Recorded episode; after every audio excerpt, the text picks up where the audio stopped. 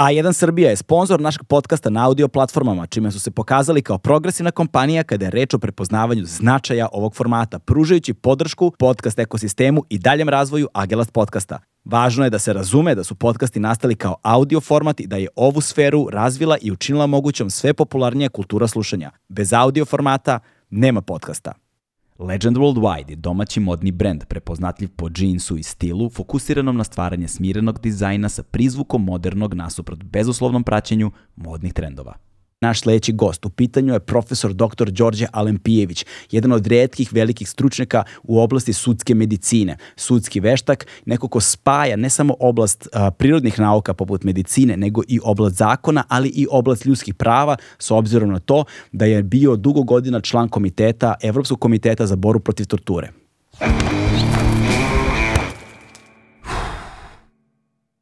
Hmm.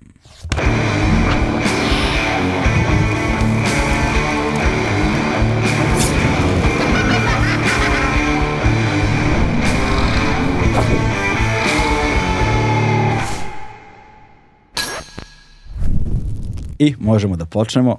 Savršeno. Eh, eh, kako te zovu? Imaš nadimak?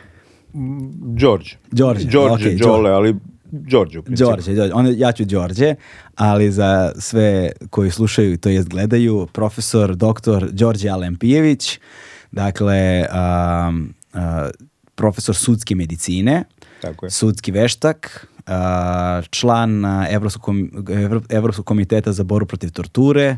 Bivši član. Bivši član, bivši član komiteta, Evropskog komiteta za boru protiv torture, ali sada imamo tvog naslednika i našeg dobrog prijatelja Nikolu Kovačevića, Tako je. koji se nalazi na tvom mestu. A moramo pomenuti i mog prethodnika Ivana Jankovića, advokata iz Beograda. Dakle, e.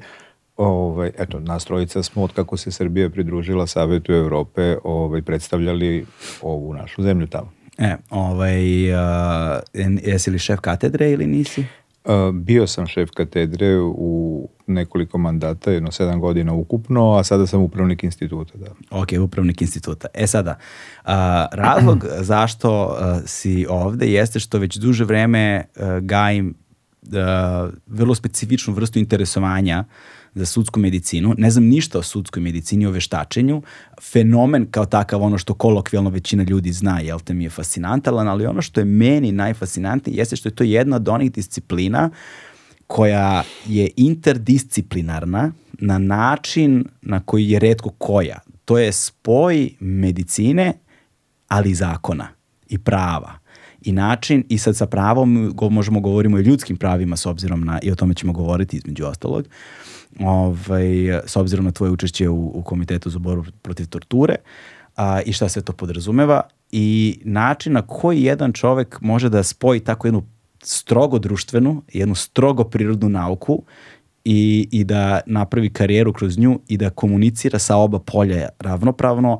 ali tu se naravno s obzirom u kakvom vremenu i kakvom društvu živimo, rađa i niz problema uh, ovaj, u struko, što strukovnih sa kolegama raznoraznim, što u pravnom sistemu, što naravno u komunikaciji sa javnošću, jer ono što ti radiš pre svega je vrlo, vrlo javno u smislu um, da postoji veliki javni interes za brojne slučajeve kojima si se ti bavio, naravno. Da, tako je. Pa u stvari, nije toliko sudska medicina E, ne bih rekao da je ona toliko spoj medicine i, i, i prava. Ona je zapravo više e, medicina koja e, pravi iskorak prema pravu, mm -hmm. jer zapravo mi pomažemo na neki način jeli, ovaj, pravosudnim organima, kako bi se to ovaj, reklo na srpskom ili ono law enforcement mm -hmm. jeli, ovaj, e, na, na engleskom. E, dakle, e, tim agencijama, organima pomažem, oni vode nekakve postupke, utvrđuju da li je neko izvršio krivično delo, da li je neko umro zbog uh, posljedica krivičnog dela, da li postoji nesavesno lečenje. Razna pitanja se tu nameću. uh, I sve te posljedice zadiru u sferu života i zdravlja neke osobe. Mm. Dakle, nesumnjivo u domen medicine. I onda ovaj, mi kao lekari pre svega ovaj, smo kadri da te činjenice uočimo, ovaj, opišemo, evidentiramo, dokumentujemo i onda treba da ih rastumačimo u određenom kontekstu, jer svaki slučaj ima neke svoje posebnosti i da ih rastumačimo na jedan, da kažemo, prihvatljiv način za uh, medicinske lajke, a to su pravnici. Mm, okay. Dakle, jer oni moraju da razumeju šta se zapravo desilo, od čega je neko umro, kako je ovo delovalo, kako je neko povređen ili nije povređen i tako dalje. I uh, ovaj, moraju da razumeju da bi to što mi njima kažemo, napišemo, kažemo, predstavimo, uh, mogli da stave u, u ravan sa ostalim nekakvim dokazima koji se izvode u tom postupku, dakle koji su potpuno izvan medicine, to su ne znam, svedoci, uviđaj, mnogo toga. Uh, i da na osnovu toga donesu nekakvu odluku ovaj, da nekoga oglase krivim, osude, oslobode, pokrenu postupak, obustave, mislim sve ono što naravno pravnici rade. E, to je, to je otprilike dakle, sudska medicina. Jasno, s druge strane i pravnici onda moraju da naprave, koji se bave jel te, e, time, moraju da naprave istup, iskorak ka prirodnim naukama, odnosno ka medicini na neki način, zahteva se od njih nekakav minimum razumevanja uh, ovaj, uh, sad, sam, sam, same nauke i same, same, samog jezika unutar. Apsolutno. Samih po, po, pojmova.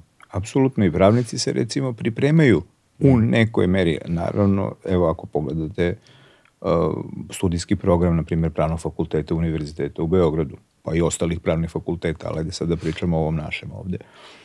Ove, ovaj, postoji uh, predmet pravna medicina, doduše on je opcion, jer dobro, ne, neće svi studenti prava, odnosno što bi se reklo, svršeni pravnici da budu upravo osuđeni. Neko će biti u privredi, u, ne znam, državnoj upravi i tako dalje. Da, ali oni koji se opredele za taj krivično pravni smer, oni kao izborni predmet imaju zapravo pravnu medicinu. Mm. A, naravno, ne možete očekivati da će pravnik, dakle neko ko je po vokaciji ono opredeljen za društvene nauke i koji se bavi time studirajući četiri godine, da će u toku jednog semestra naučiti medicinu, jer onda da. bi bile besmislene studije medicine koje traju šest godina. Jasno. Dakle, I samo to, osnovne, da. Da, dakle to nije, to nije ideja tog, ajde da ga nazovemo kursa, odnosno da. predmeta, već je ideja da a, budući pravnici, odnosno buduće sudije, tužioci, policijski inspektori i tako dalje, ovaj, da, da shvate šta to jeste sudska medicina, da shvate da i ona ima granice, kao što sve na kraju krajeva ima neke granice mm. ovaj, da shvate šta može, šta je realno, šta nije. Dakle, pravnici se već u toj fazi nekog, neke svoje edukacije ovaj, obrazuju, ističu neka znanja.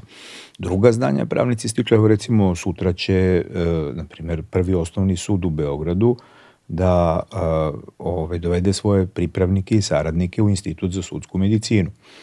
I to je neka praksa koja traje godinama. Dakle, mm. da beogradski sudovi pre svega, pošto smo prosto tu locirani. To ne znači da neko drugi ko bi iskazao interesovanja ne može da dođe ili da mi odemo kod nekoga. Kao, mislim, kad govorim u množini, mislim na svoje kolege iz instituta, jeli?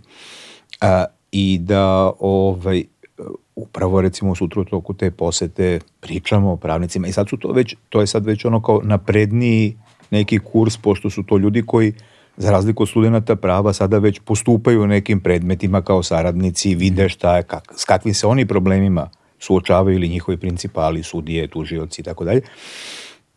I ovaj, mi ćemo im sutra govoriti opet o nekakvim tim temama, pa će oni videti, uh, jer vidite, i sudska medicina nije samo uh, medicina, ona ima opet i neke dodatne pomoćne, da kažemo, discipline koje pomažu da odgovore na određena pitanja.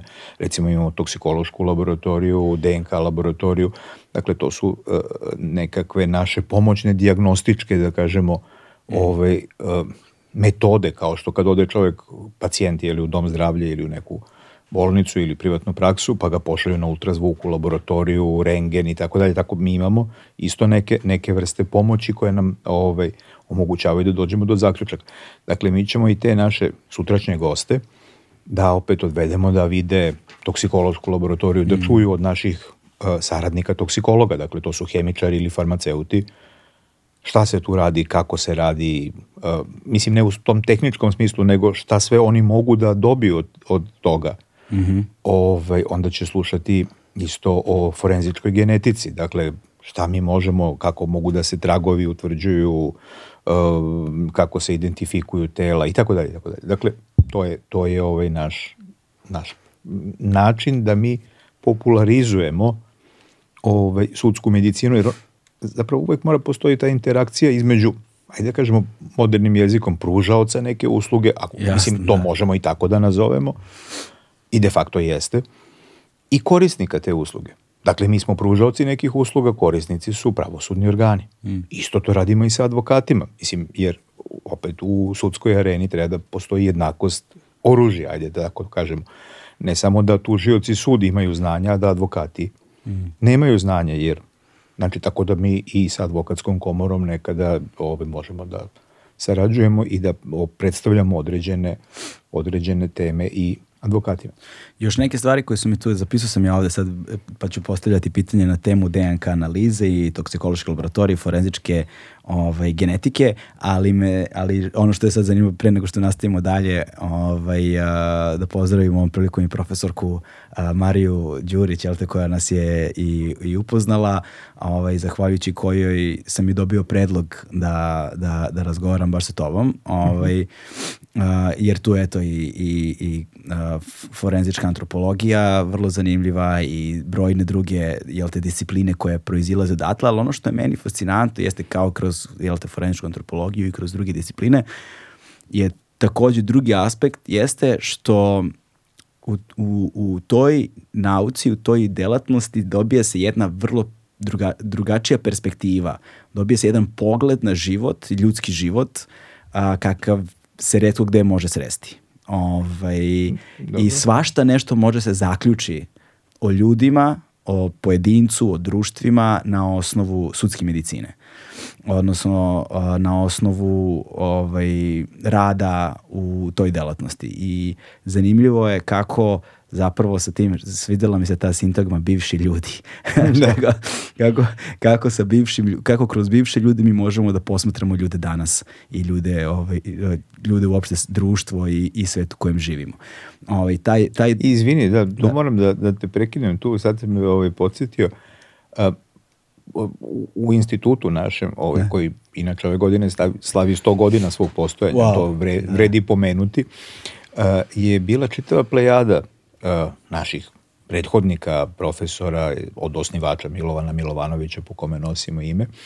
Sećam se svojih studentskih dana na prelazu 80. u 90. godine prošlog veka i jedan od profesora je bio a, e, sada pokojni Samuilo Pejaković. Mm. Jedan izuzetan onako čovek, interesantan.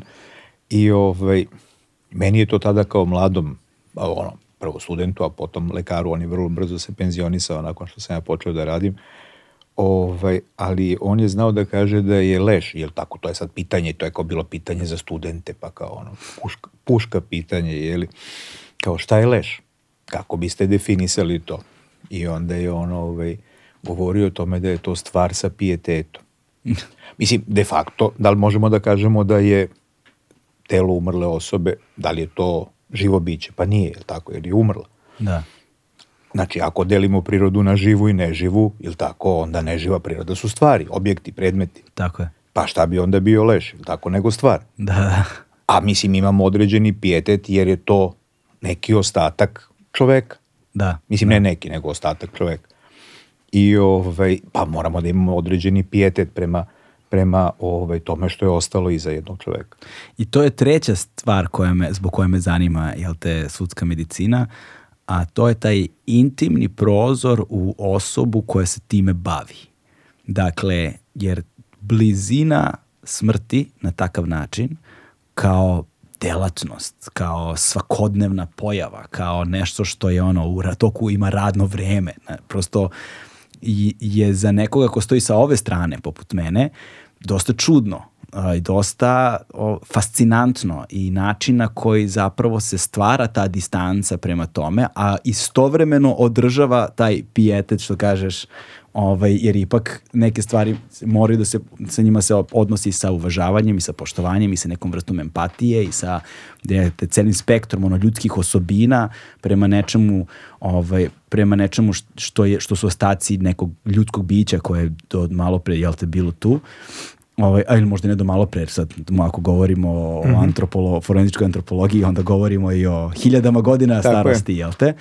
Ovaj, ali opet o nekim ostacima čoveka prema čemu svakako civilizacijski, istorijski, možda je negde prirodno, imamo drugačiju prirodu, imamo drugačiji odnos. Znači, čovek od kako naš civilizacije merimo i naprednost civilizacija merimo po tome kad smo počeli da sahranjujemo svoje, kada smo počeli da imamo te rituale i obrede, jel te? Tako da odnos prema smrti kao je sam, kao takav, kao fenomen, kao pojam je nešto što meni fascinantno. I svi ljudi koji su svom delatnošću uh, stalno u blizini ove ovaj, smrti je nešto što je samo po sebi već fascinantno i upoznavati takve ljude, vidjeti njihov pogled na svet i na stvari je nešto što je, mislim da je izuzetna ovaj, privilegija. Da, e, vidi, e, ja bih napravio tu jednu razliku, povukao bi liniju između onih ljudi koji prisustuju umiranju i oni on, mm. a to definitivno mi nismo. To su recimo pre svega moje kolege koje se bave kliničkom medicinom. Da. I i nas. Dakle, uh, mi smo o, ove, sa, sa različitih strana te smrti. Dakle, oni su tu kada smrt e, dolazi i kada dođe konačno, a mi smo nakon što je došlo. I e, ja sam recimo na početku svoje karijere, a i u toku studentskih dana imao veliki broj sati i dana volontiranja na klinici. Tada se u to vreme otvorio urgentni centar koji je nedavno postao stari urgentni centar jer se otvorio novi i da, tako da. dalje. Dakle, govorimo tamo o sredini 80-ih godina. I, ovaj, I bio sam u prilici da budem sa te strane i da se zapravo suočim sa, sa a bio sam na neurohirurgiji, dakle na mestu gde su povređeni ljudi uglavnom ono, sa teškim povredama i tako dalje kojima uprkos ono dostignućima medicine nekada nema spasa ili i ovaj i onda jednostavno vidiš e, svu tu borbu tih mojih kolega i, i, i njihovu nekakvu investiciju stručnu, emotivnu, energetsku, mislim, možemo sa to da, da. razlažemo. Ove, ovaj, s druge strane vidiš uh, kako se polako gase te nade ovaj, rodbine koja dolazi svaki dan se interesuje, moli, eh, moli se u, i u religioznom smislu, a i moli ljudski da se nešto uradi i tako dalje. A i bez toga bi se naravno radilo. I, I onda vidiš kako to ide ka nekom svom kraju koji u jednom momentu dođe i onda svi nekako tu to teško prihvataju. E, međutim, kad sam došao na sudsku medicinu, ovaj, onda sam napravio korak sa te druge strane o kojoj smo mm. govorili i tu više nema te neizvesnosti. Znači, a, mi se ne borimo ovaj, i, i, i ne možemo više ništa da promenimo. Jasne. Dakle, mi samo sada post factum jer dokumentujemo, utvrđujemo šta je bilo. Šta je dovelo do toga da je borba bila izgubljena? Da li je morala da bude izgubljena? Mislim, to su neka pitanja na koja mi odgovaramo.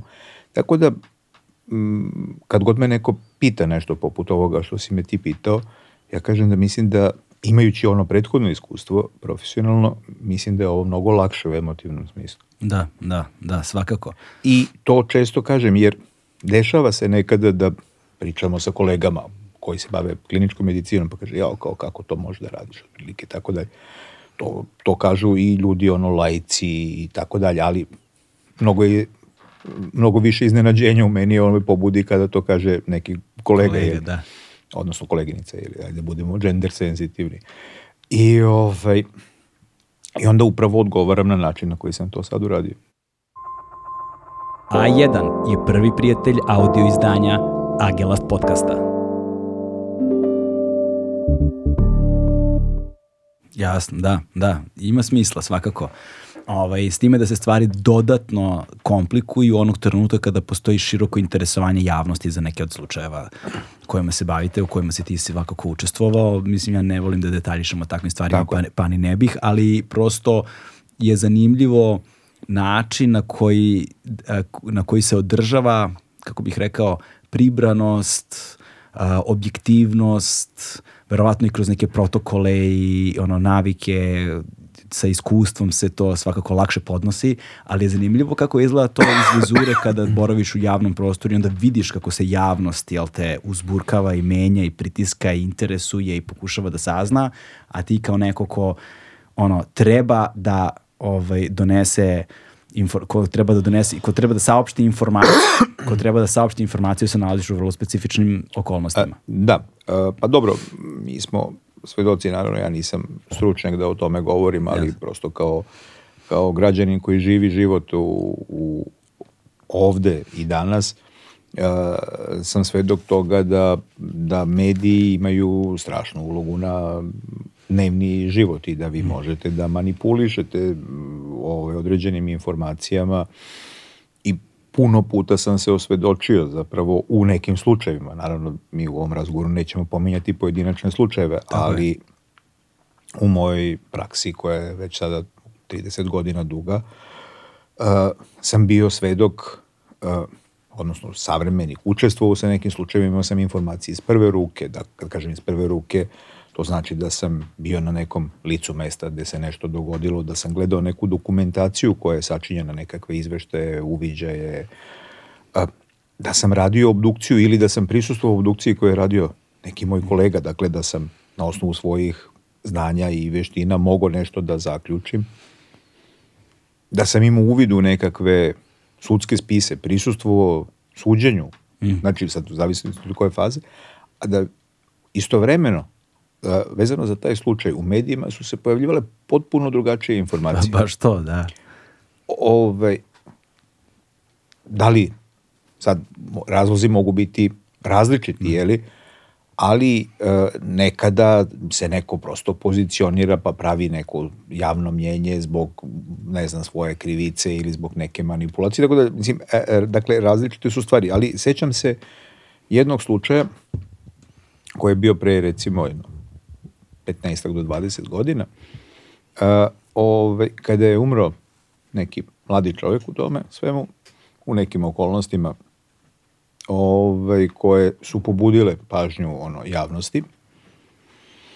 Uh, I dakle, mi smo radili, ja sam radio obdukciju uh, i nisam znao još tačno šta je uzrok smrti, jer nekada taj uzrok smrti, dakle to je ključno pitanje na koje, jedno od ključnih pitanja na koje obdukcija treba da da odgovor. Mislim, to je svrha sprovođenja te procedure i davanja odgovora pravosudnim organima, jeli?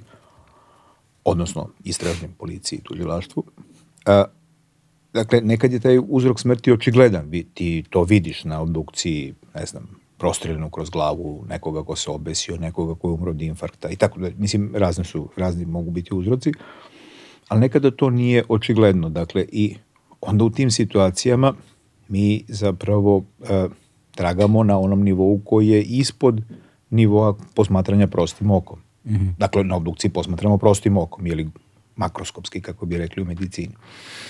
Ali onda nekada taj pregled treba dopuniti mikroskopskim pregledom, pa se uzmu isečci nekog organa, pa se pogleda, jer recimo neko može imati upalu srčanog mišića koju ti ne vidiš prostim okom, ali ćeš je videti pod mikroskopom. Pa smo već pominjali toksikologiju, na primjer, znači neko ko je recimo otrovan ili ko je bio izložen dejstvu neke opojne droge, nema neki specifičan nalaz koji se može videti prostim okom, ali će toksikolog da tamo nađe da je, ne znam, tu bio heroin, amfetamin, šta god ili neki, neka druga ovaj, substanca, pa ćemo mi na kraju, kombinujući sve te elemente, doći do nekog zaključka da. od čega je ta osoba umrla. A svakako se situacija vjerojatno komplikuje kada postoji uh, više multifaktorijalni ovaj, Tako je, da. dobro, to je sad posebno pitanje tog zaključivanja u uzroku smrti i tako dalje. To, to je e, druga tema. No, da se vratimo na ovo. Da. Dakle, ja sam završavao tu obdukciju, nije bilo očiglednog uzroka smrti. Izašao sam iz obdukcijne sale, došao u kancelariju, mediji su već objavili da je taj, taj i taj čovjek umro od toga i toga. Dakle, potpuno je bila, sad je bilo pitanje da li je to povreda ili je bilo neko spontano krvarenje u glavi. Jasno recimo. Nesumnjivo da je taj čovjek mladi učestvovao u nekakvom sukobu sa nekim drugim takođe mladim ljudima i da je jednostavno nakon tog sukoba on pao, izgubio svest, bio je nekoliko dana u bolnici, u komi i posle toga je mhm. umro. E, tako da, i onda je sada to pritisak, znači ta vest medijska je bila otprilike, to je krvarenje koje je spontano, Dakle, nema odgovornosti, je li desio se kao nesrećan slučaj, ok, bio je tu neki sukob, ali to bi se na to svelo. I onda ti si sutra pod ono, pritiskom, jer ako kažeš suprotno, pa kao kako juče su svi objavili da je to ovako, sad ti odjednom kažeš onako. Mm. Ovaj, I mislim, može bude interesantno. Da, da svakako. O, ali, uh, najinteresantnije meni u ovom trenutku, pre nego što zađemo u samu nauku, je to kako neko stigne ovaj, do, do, do toga da se bavi sudskom medicinom. Ovaj, ne znam, na, svakako pretpostavljam da to nije bila želja kada si bio mali. ne, ne, nije, nije, nije definitivno. Even, eventualno hoće da budu doktori, ali tu se otprilike završava. Na. ne definitivno. Tvoj, ov... tvoj razvojni put je vrlo zanimljiv, zato, hoću, jest. zato, zato mi je ta priča zanimljiva. Da, mislim, moja želja u detinstvu jeste bila da postanem lekar. Nisam imao neki konkretan uzor u, u svojoj porodici, dakle, pre mene nije bilo lekara, moja pokojna tetka je bila farmaceut, recimo, pa sam ja kao mali voleo da odem u apoteku, to mi je bilo jako interesantno. Ovaj, da da ono mirišem one lekove, da gledam i tako da je to uvek bilo ono izazovno i to bi mogo da kažem da je bio jedini neki taj ono kontakt sa, sa zdravstvenim nekakvim sistemom i tako dalje, sem onog što sam išao kod lekara na sistematske preglede i ostalo kao i sva deca.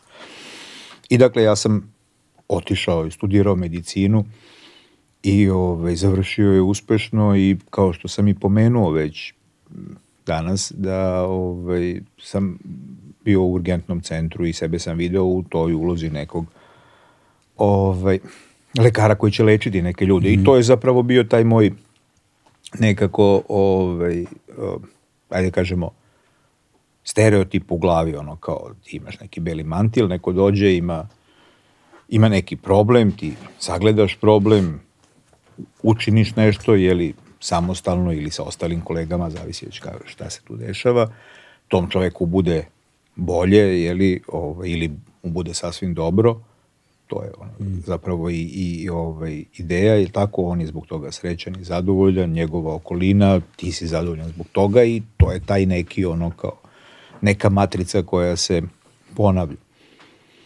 I onda se desilo da sam ja zapravo diplomirao 1992. godine i kao prirodni sled ovaj, tog nekog uh, tih događaja počeo sam da volontiram u ovaj, već pomenutom tadašnjem novom, a sadašnjem starom urgentnom centru na neurohirurgiji.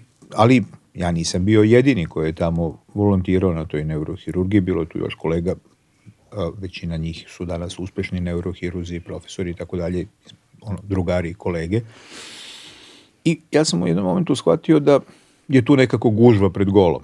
Da, da, ajde, da. da tako kažemo i da je sad pitanje ko će da, ovaj, mislim, prosto je to bila ovaj, jedna, jedna takva situacija, a približavao se izlazak nove generacije studenta sa medicinskog fakulteta, što je ovaj, otvaralo neku mogućnost da će se još neko zainteresovati poput nas, pa nismo mi to izmislili, ili tako? Tako je, da. I da se ta gužva pred golom može ovaj, samo uvećati.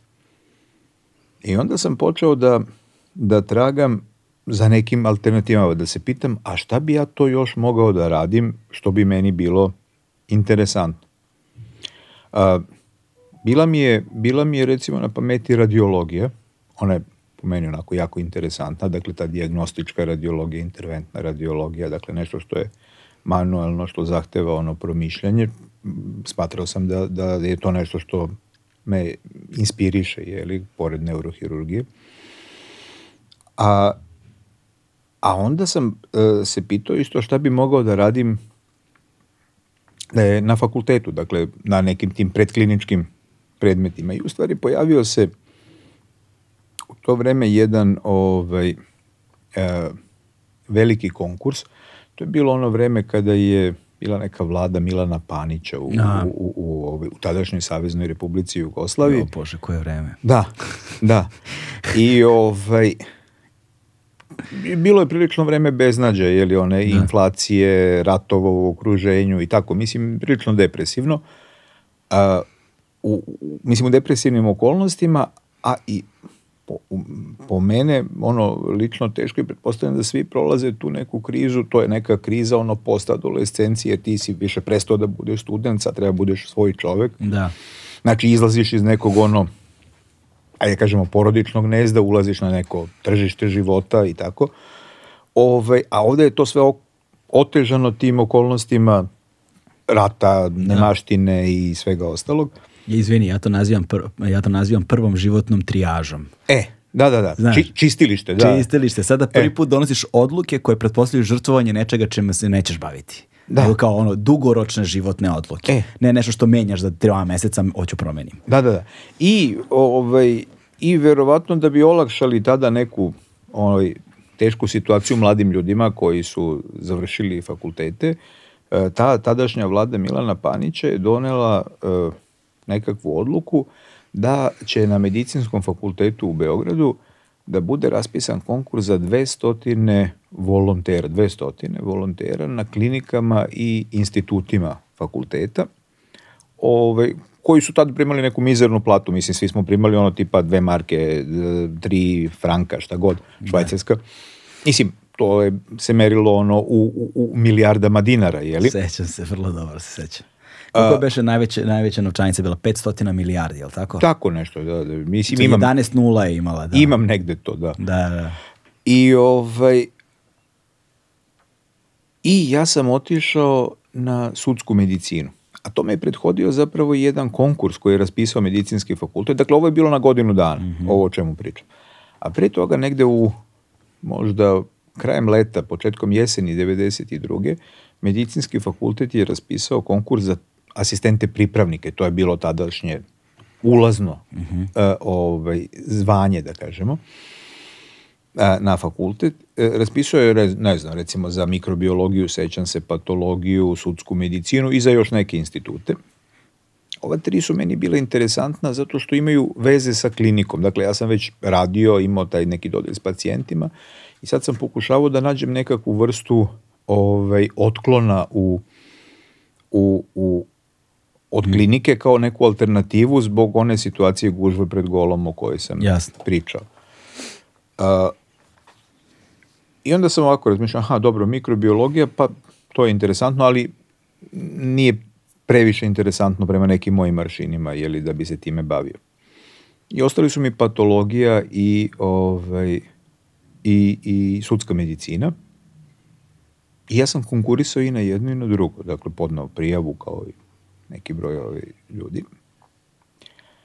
E, tada, sada recimo kada se raspiše konkurs postoji obaveza da se u oko dva meseca podnese izveštaj, dakle da komisija odabere kandidata, da prosto to, ta procedura bude ubrzana. Tad nije bio tako nešto omađen vremenski rok i to se malo ovaj, odužilo. Među vremenu je bio ovaj Panićev konkurs, I u to vreme isto nije bilo volontera na sudskoj medicini. Mislim, to je prilično specifično. Zbog posla koji radimo, mi danas ne primamo volontere da neko dođe sa ulice da gleda.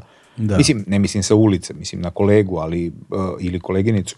Ali ipak je to neko ko mislim prosto može doći do, u, u kontakt sa osetljivim informacijama i tako dalje, tako da prosto mi to izbegavamo i to ne radimo postoji određena vrsta disk, diskrecijonog prava kojim je obave, obav, obavijena ta delatnost nauka. Tako je, a s druge strane taj volonter i kad bi došao ne može nama nešto previše da pomogne, mislim, e, ovaj, može u nekom tehničkom smislu, ali opet nema smisla ni degradirati kolegu da radi posao da. koji rade tehničari, mislim, onda je, koja je svrha tog njegovog volontiranja, mislim, sem što tu ubivstvo i dišemo isti vazduh, jeli.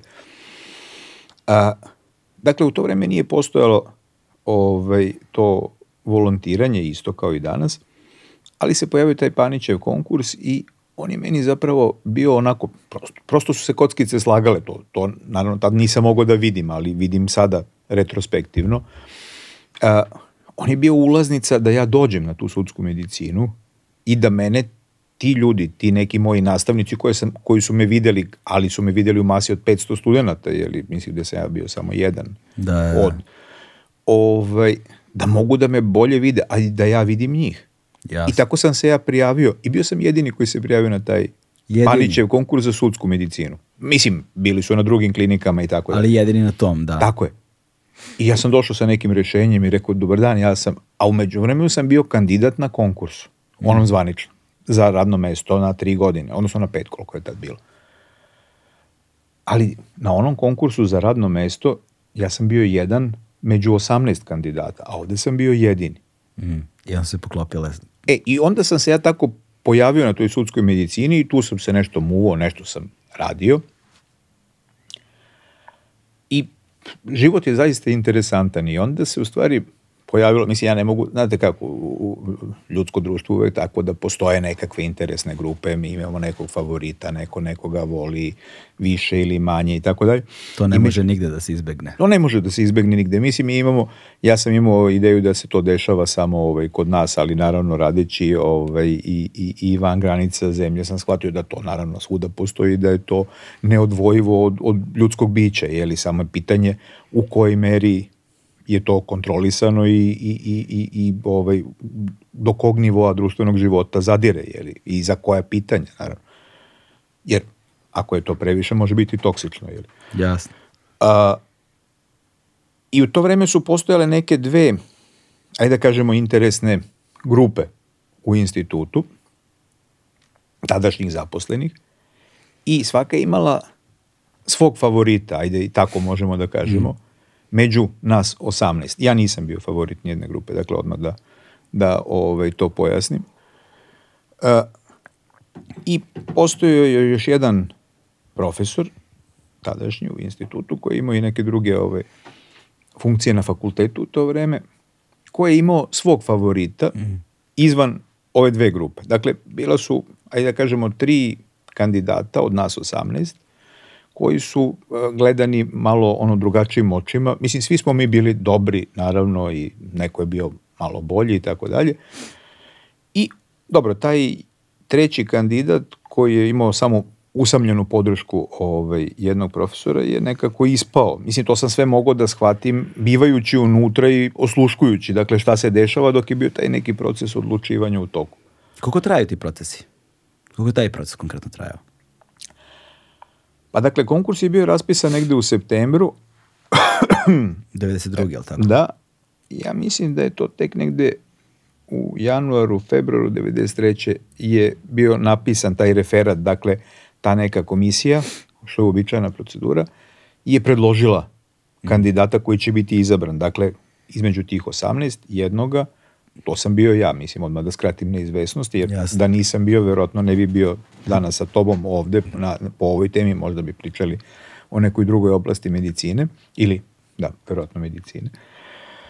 E, ali, dakle, ove dve grupe prosto nisu mogle da nadjačaju jedna drugu ko će od te dvojice kandidata da, da, ovaj, da prođe. I onda su rekli, hajde da vidimo onda da izaberemo onoga ko ima po tim kriterijumima ovaj, najbolje postignuće. Jeli? Između ostalog se tražio i najmlađi kandidat jer je to početno ovaj, zvanje. I u tom momentu su sve zapravo, o, e, svi argumenti bili na mojoj strani. Da. I tako sam ja e, završio na tom ovaj, referatu. Tako da, eto, to je, to je interesantan ulazak u, u ovaj svet. Znači, e, sudska medicina je mali klub. Pa sudska medicina je mali klub uh, svuda. Koliko ima sudskih veštaka u Srbiji? E, treba razlikovati sudsku, sudsku medicinu od sudskih mm, veštaka. Okay. Sudskih veštaka ima mnogo. Dakle, to su ljudi koji imaju određene veštine, ne moraju biti nužno medicinske. Sudski Aha. veštaci su i e, recimo ekonomske struke, sudski Aha, veštaci jasne, su jasne, jasne. kompjuteraši, mislim. Da. Dakle, to su svi oni ljudi koji poput nas, dakle, mi, mi znanja naše nauke, to je medicina, približavamo sudu. A drugi veštaci, opet znanja svojih struka, na primjer ekonomije, ne znam, ovoga, jasne, onoga, jasne, jasne. isto približavaju sudu. Yeah. Dakle, ali da se, pretpostavljam da si teo pitaš koliko sudskih medicinara ima. Tako, e, sudskih medicinara. Da, da, da, ovaj, e, e, sudskih medicinara u Srbiji ima 60-ak. Mm. Uslovno rečeno, odnosno grubo rečeno, jer ne mogu tačno da sad ovaj, izađem sa nekim brojem. Uh, I oni su prilično ne, nejednako raspoređeni. Dakle, mi smo ovde vezani za univerzitetske centre. Pored instituta iz koga ja dolazim, u Srbiji postoji institut za sudsku medicinu u Novom Sadu, koji je pri kliničkom centru Vojvodine, Zavod za sudsku medicinu u, u Nišu, u Kragujevcu i postoje sudski medicinari na Vojno-medicinskoj akademiji. I postoji još jedan mali broj naših kolega koji rade a, samostalno u okviru recimo opštih bolnica, na primjer u Novom Pazaru, u Kraljevu, ne znam, Požarevcu i tako, znači u nekim mestima i još jedan kolega koji radi u uh, Ministarstvu unutrašnjih poslova, dakle pri, uh, u Nacionalnom kriminalističko-tehničkom centru. Da, i, i, ko, uh, i sad, uh, ali situacija sa sudskim medicinarima u drugim zemljama je takva. Dakle, nema, e, mi nikada ne govorimo o velikom broju ovaj, e, ovakvih e, stručnjaka. E, ovaj, što znači da koliko traje radni dan onda, koliko posla ima? Dobro, posla ima dosta. Da. Posla ima dosta i, i, i, ovaj, i posao je um, posao je različit, posao je mm. dinamičan, uh, uh, jer u stvari nas ljudi nekako i, i mislim i, i ovaj naš razgovor je tako počeo ono kao smrt e, oko da. smrti tako dalje ljudi isključivo shvataju da mi sedimo u obdukciju mislim sedimo stojimo boravimo kako god u obdukcionoj sali i da pregledamo u obdukcionim salama ili u sudovima pa da ali Dakle, naš posao su... I na fakultetima. To su tri tako, mesta koja su najočigledna. To su tri mesta do koje su naj, najočiglednija. Evo nekada ovako isto pričamo u medijima, pojavljujemo se, ove, ovaj, držimo neka predavanja, dakle, to, to su, to su ove, ovaj, to je delokrug našeg rada. Ali isto tako možemo biti i na mestu iskopavanja masovnih grobnica, e, ove, ovaj, možemo da budemo... E, možemo da budemo u, u ulozi nekakvih ono savetnika vezano za određena pitanja. Jer na kraju krajeva, vidiš, to, to je recimo interesantno. Ne znam da li si razmišljao o tome da je sudska medicina preventivna grana medicine. Hmm, nisam razmišljao na taj način. Da, jer isto ljudi kažu... Pa Sad pa dok čekaj, pričaš pokušavam da procesuiram na koji način bi bilo preventivno, ali reci ti. Pa da, znaš, kažu kao pa čekaj kako, mislim prevencija je, je li, ili predohrana, znači, pa kao, a, naravno opet ako razmišljam sa aspekta toga, ako se ne, ne odmaknemo od te smrti koja se uvek ono vrti kao ključna tema kad je sudska medicina negde u pitanju, onda bi rekli pa dobro šta možemo da preveniramo, taj čovek je umro, mislim njemu spasa više nema, ili tako, mislim ne možemo mu spasiti život. Da, to je tačno, ali možemo uh, posmatrajući načine na koji neki ljudi umiru, shvatiti da neke smrti mogu da se preveniraju. Mm -hmm. Pa ćemo na taj način spasiti neke druge živote. Evo daću ti par primjera. I recimo, evo to je opet istup jer mi imamo na medicinskom fakultetu školu javnog zdravlja, mm -hmm. na primjer. I u okviru te škole javnog zdravlja, dakle, to je ono što bi se na engleskom jeziku zvalo public health ili što se kod nas ovaj, dosta dugo zvalo socijalna medicina. I sad, dakle, to je preventivna ono, medicina. I mi držimo jedan kurs upravo o, o ulozi te sudske medicine u preventivnoj medicini. Jer to sam možda zaboravio da ti pomenem, u stvari ne možda, nego jesam zaboravio. Ove, ovaj, dakle, mi dajemo informacije sudovima i tužilaštvima čega je neko umri i tako dalje, ali mi istovremeno takve informacije šaljemo Institutu za javno zdravlje Milan Jovanović Batu, dakle republičkoj instituciji koja se bavi između ostalog ili prikupljanjem podataka o, to, o tome od čega su ljudi umrli. Mm -hmm. A, Da, pa jer, statistika smrtnosti, e, uzroka je, smrtnosti godišnje, tako je, mortalitet, mortalitetna statistika, kako se zvanično zove, jer svako ko umre, ne mora biti, mislim, svako, e, svaka osoba koja umre mora biti pregledana od lekara koji izda pot, dokument koji se zove potvrda o smrti. I taj lekar, dakle ne mora biti nužno obdukovan, to možemo kasnije ovaj, pričati o tome kako neko ovaj, kako neko telo bude obdukovano, a neko ne bude, mislim, šta pravi tu razliku. Ali, dakle, svako ko umre mora biti pregledan od, od lekara. Ako neko umre u stanu, postoje služba za pregled umrlih, pozovete, ovaj, srodnici pozovu, dođu ti te naše kolege, pregledaju i oni izdaju potvrdu smrti. To se isto dešava kad neko umre u bolnici ili na ulici i tako dalje.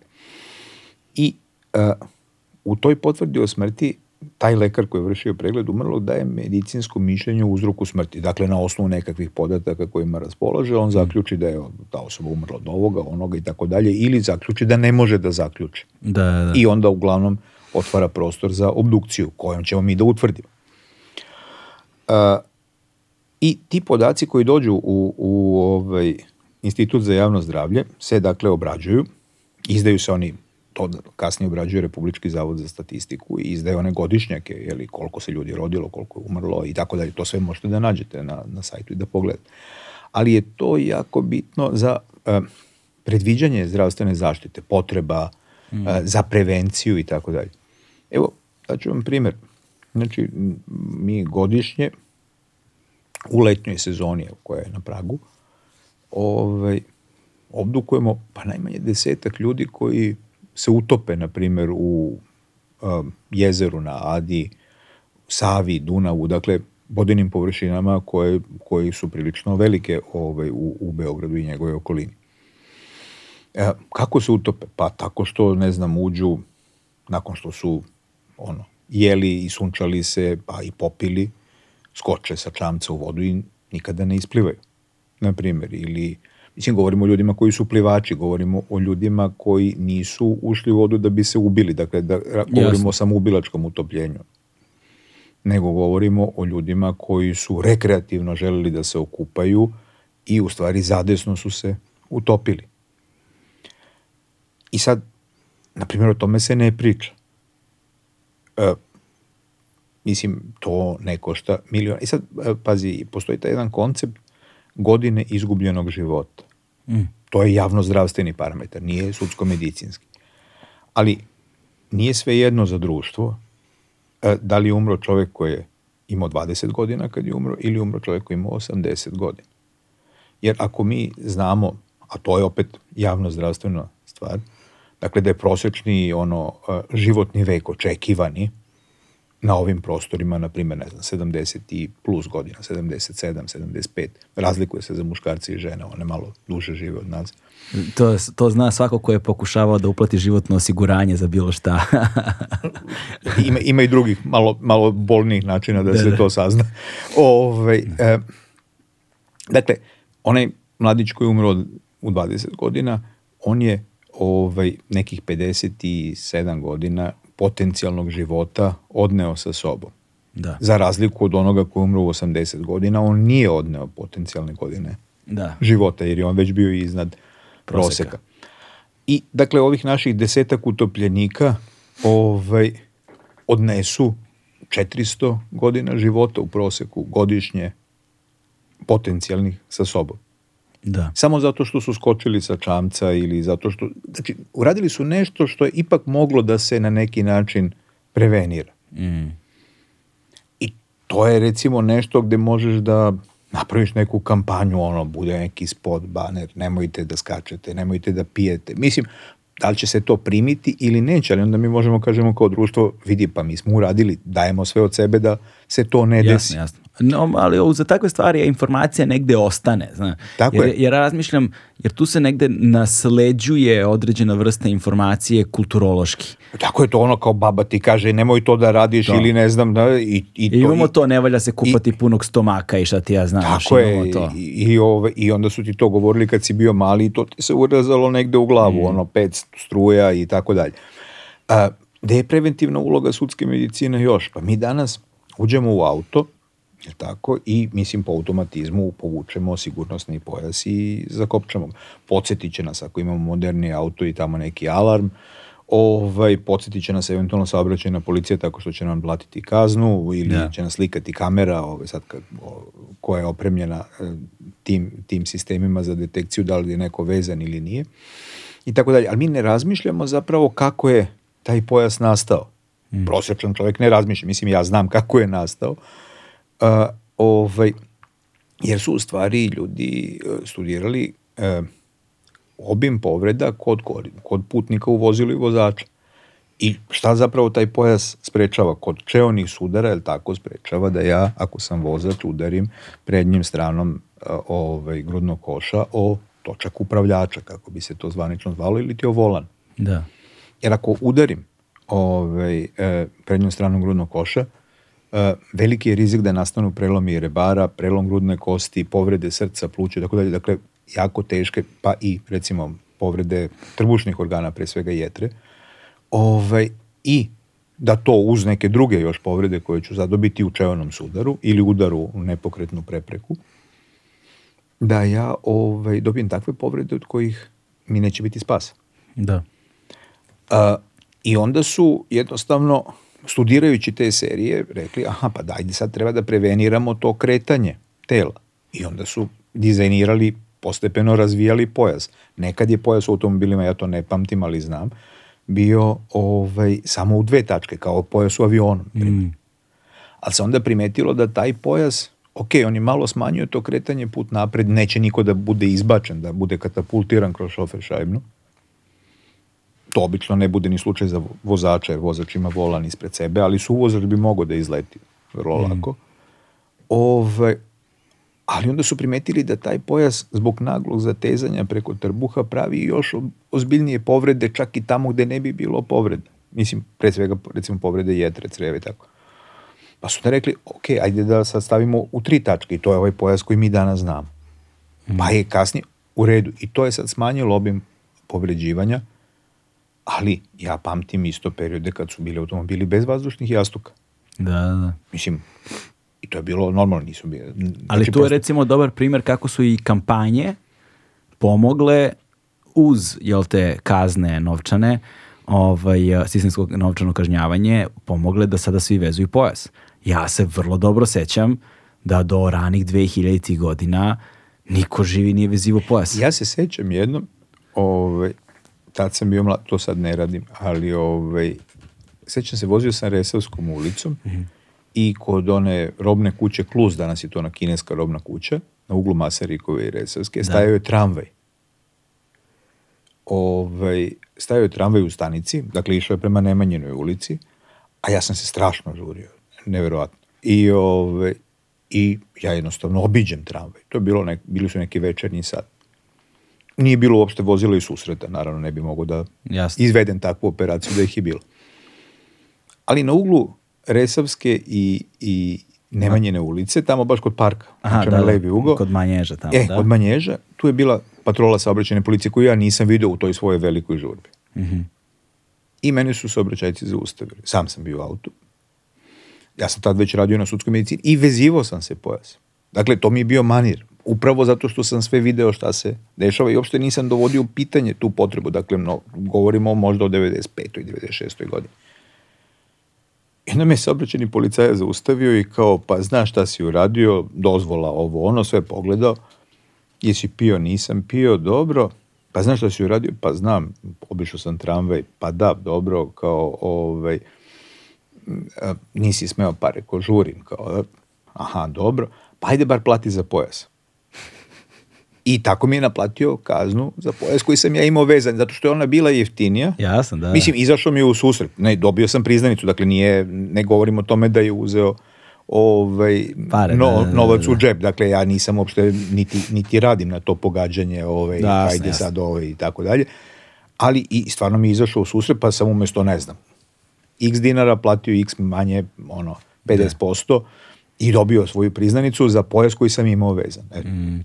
Ali to sad povlači pitanje a, kad govorimo o sudskoj medicini kao prevenciji, jel te, a, i načinu na koji utiče na dalji razvoj društva i na neke civilizacijske tekovine koje nasleđujemo kroz različite otkrića i kroz provođenje različitih kampanja, kao što je, na primjer, eto, Uh, mislim, e, pričali smo već jednom o tome, kompanija Volvo je dizajnirala ovaj, sistem uh, vezivanja pojaseva, ovaj sa tri tačke i ono što je bilo divno kod njih jeste da su ga, kao, nisu ga patentirali, nego su besplatno dali patent na upotrebu svima. I to, time su oni napravili veliku civilizacijsku ovaj, Uh, veliko civilizacijsko nasleđe, jer ceo svet je sada stvarno značajno sigurniji na taj način i time što je to potpuno besplatno bilo, kao što smo i to smo pomenjali, svoje vremeno pronalazači davali patente besplatno za određene vakcine, za brojne bolesti koje ono nije farmakološka industrija uzela sebe, nego su to generički lekovi koji su svima dostupni, jeftini ili besplatni. Ovaj, ali me zanima sada kao ta neka istorija sudske medicine. Ono, kada, mislim, uh, sad ja ovako laički kada posmatram, znam da su brojni umetnici, još ono, Da Vincija i ranije, uh, pregledali uh, leševe, da bi mogli da kreiraju tačniju i precizniju umetnost, da li u vajarstvu, da li u slikarstvu i tako dalje, što znači da li, tako da sigurno u istoriji a, medicine i same sudske medicine postoje neki prast, verovatno ko zna koliko stari nalazi o tome da su se ljudi bavili nekom vrstom obdukcija i potrebe da razumeju ljudsko telo, organe, unutrašnje sisteme i tako dalje. Ali kao u kom trenutku uh, se sudska medicina razvija kao nauka, kao grana koja se odvaja posebno i na koje načine sve doprinela zapravo društvu u kojem živimo danas? Onda, dobro, ovaj... Za malo fakultetsko pitanje. da, da, da, da, da. A, pa, ta potreba čoveka da, da zaviri u mrtvo ljudsko telo je od uvek postojala, je tako? Mm. Mislim, i postojala je upravo da bi ispoznao šta je to unutra, kako to izgleda, da bi pokušao da pronikne u neke stvari koje mu nisu bile dostupne naravno i u neko vreme ono kako bi rekli mračnog srednjeg veka mada nije baš bio toliko mračan kao što neko kaže ovaj, e, je možda se crkva protivila upravo Jasno. takvim ovaj, potezima, pa ćete vi i danas naći isto nekoga ko je protivnik obdukcije iz nekih religijskih ovaj, pobuda. A, I recimo imaš onaj uh, amfiteatar, ja mislim da je on u Bolonji, ili tako, Morganjev amfiteatar, znači negde iz 1222. ako se ne varam. Mm. Ovaj, gde su se radile sekcije ljudskih tela, dakle, za potrebe studenta medicine. 1222. Da, da, da. Dakle, to je ono rani 13. vek. Da. Ja. A, I e sad, u stvari, sudska medicina... Uh, je nadogradnja na medicinu. Kad je ona, pa ona, ona je postala potrebna nekada kad je ljudsko društvo sazrelo tako da je imalo nekakve ono sudove, da, da, se, da je prosto imalo nekakvu potrebu da ove određene medicinske činjenice ti sudovi utvrđuju, raspravljaju da bi donosili nekakve odluke. A, e, postoji u stvari i ona, ona a, e, na stvarno, stalno zovu forenzičari, to nismo pomenuli uopšte. Znači, mi govorimo o sudska medicina i to je zapravo ispravan termin na srpskom jeziku, ali nas zovu i forenzički doktori ili forenzički patolozi i tako dalje. A to je u stvari isto što i sudski doktor. A zašto to forenzički? Pa zato što to potiče od ono latinske reči forum. Mm. Zapravo forenzike je e, reč na engleskom jeziku, ali ona ima latinski koren. Etimologija, I, e, da. E, da, i a, vezuje se za forum, odnosno trg, a trg je u starom vrijeme mesto suđenja, mm -hmm. javnog suđenja. I danas imamo javnost, samo nemamo na trgu, nego u sudnici. Jasno. Tako. I ovaj, tako da su se, znači, tim korišćenjem prefiksa forenzik, forenzik medicine, forenzik uh, fingerprinting, forenzik uh, computing, šta god, ovaj, mi u stvari samo hoćemo da kažemo da se znanja tih određenih nauka primenjuju za potrebe suda, dakle isto što je i sudska medicina ili ove. E sad da se vratim na, na tvoje pitanje ovaj, o, o sudskoj medicini. Dakle, u nekim zakonicima se pominje, čak u, recimo u zakoniku cara Dušana se isto govori o, o silovanju, na primjer, odnosno o, o polnom opštenju protiv volje, pa se tu sad pravi, do duše ne govori se eksplicitno o, o tome da će se angažovati ovaj, sudski, sudski veštaci, mislim, ili nekakvi doktori, ali se govori o, ovaj, o nekakvim povredama koje su mm. nastupile. Sad, koliko je taj neki sudija tada mogao samostalno da rastumači povrede, to ostaje pitanje.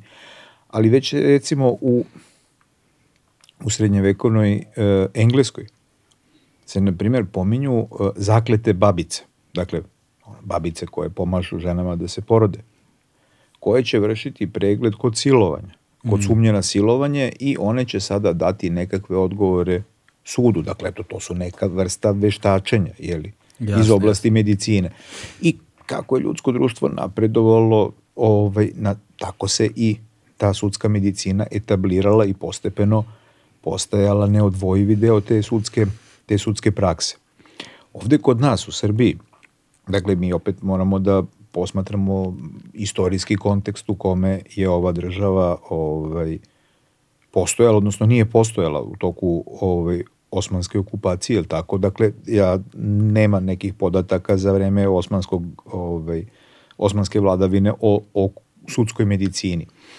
Ali već nakon osamostaljivanja srpske države, posle drugog srpskog ustanka je li postepene, pa on, od on, autonomije do, do ovaj, predaje gradova uh, od, od ove Osmanlija, uh, pojavljuju se već veštačenja koja je uh, knez Miloš uh mhm. -huh.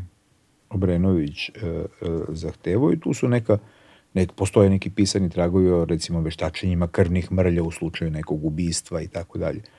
U to vreme Srbija nije imala lekara Dakle, ali smo mi uvozili lekare, dolazili su, jer tu je bio jedan nagli ono razvoj ovog društva, uspostavljanje institucija države, skupštine, svega onoga što prati, što prati državu.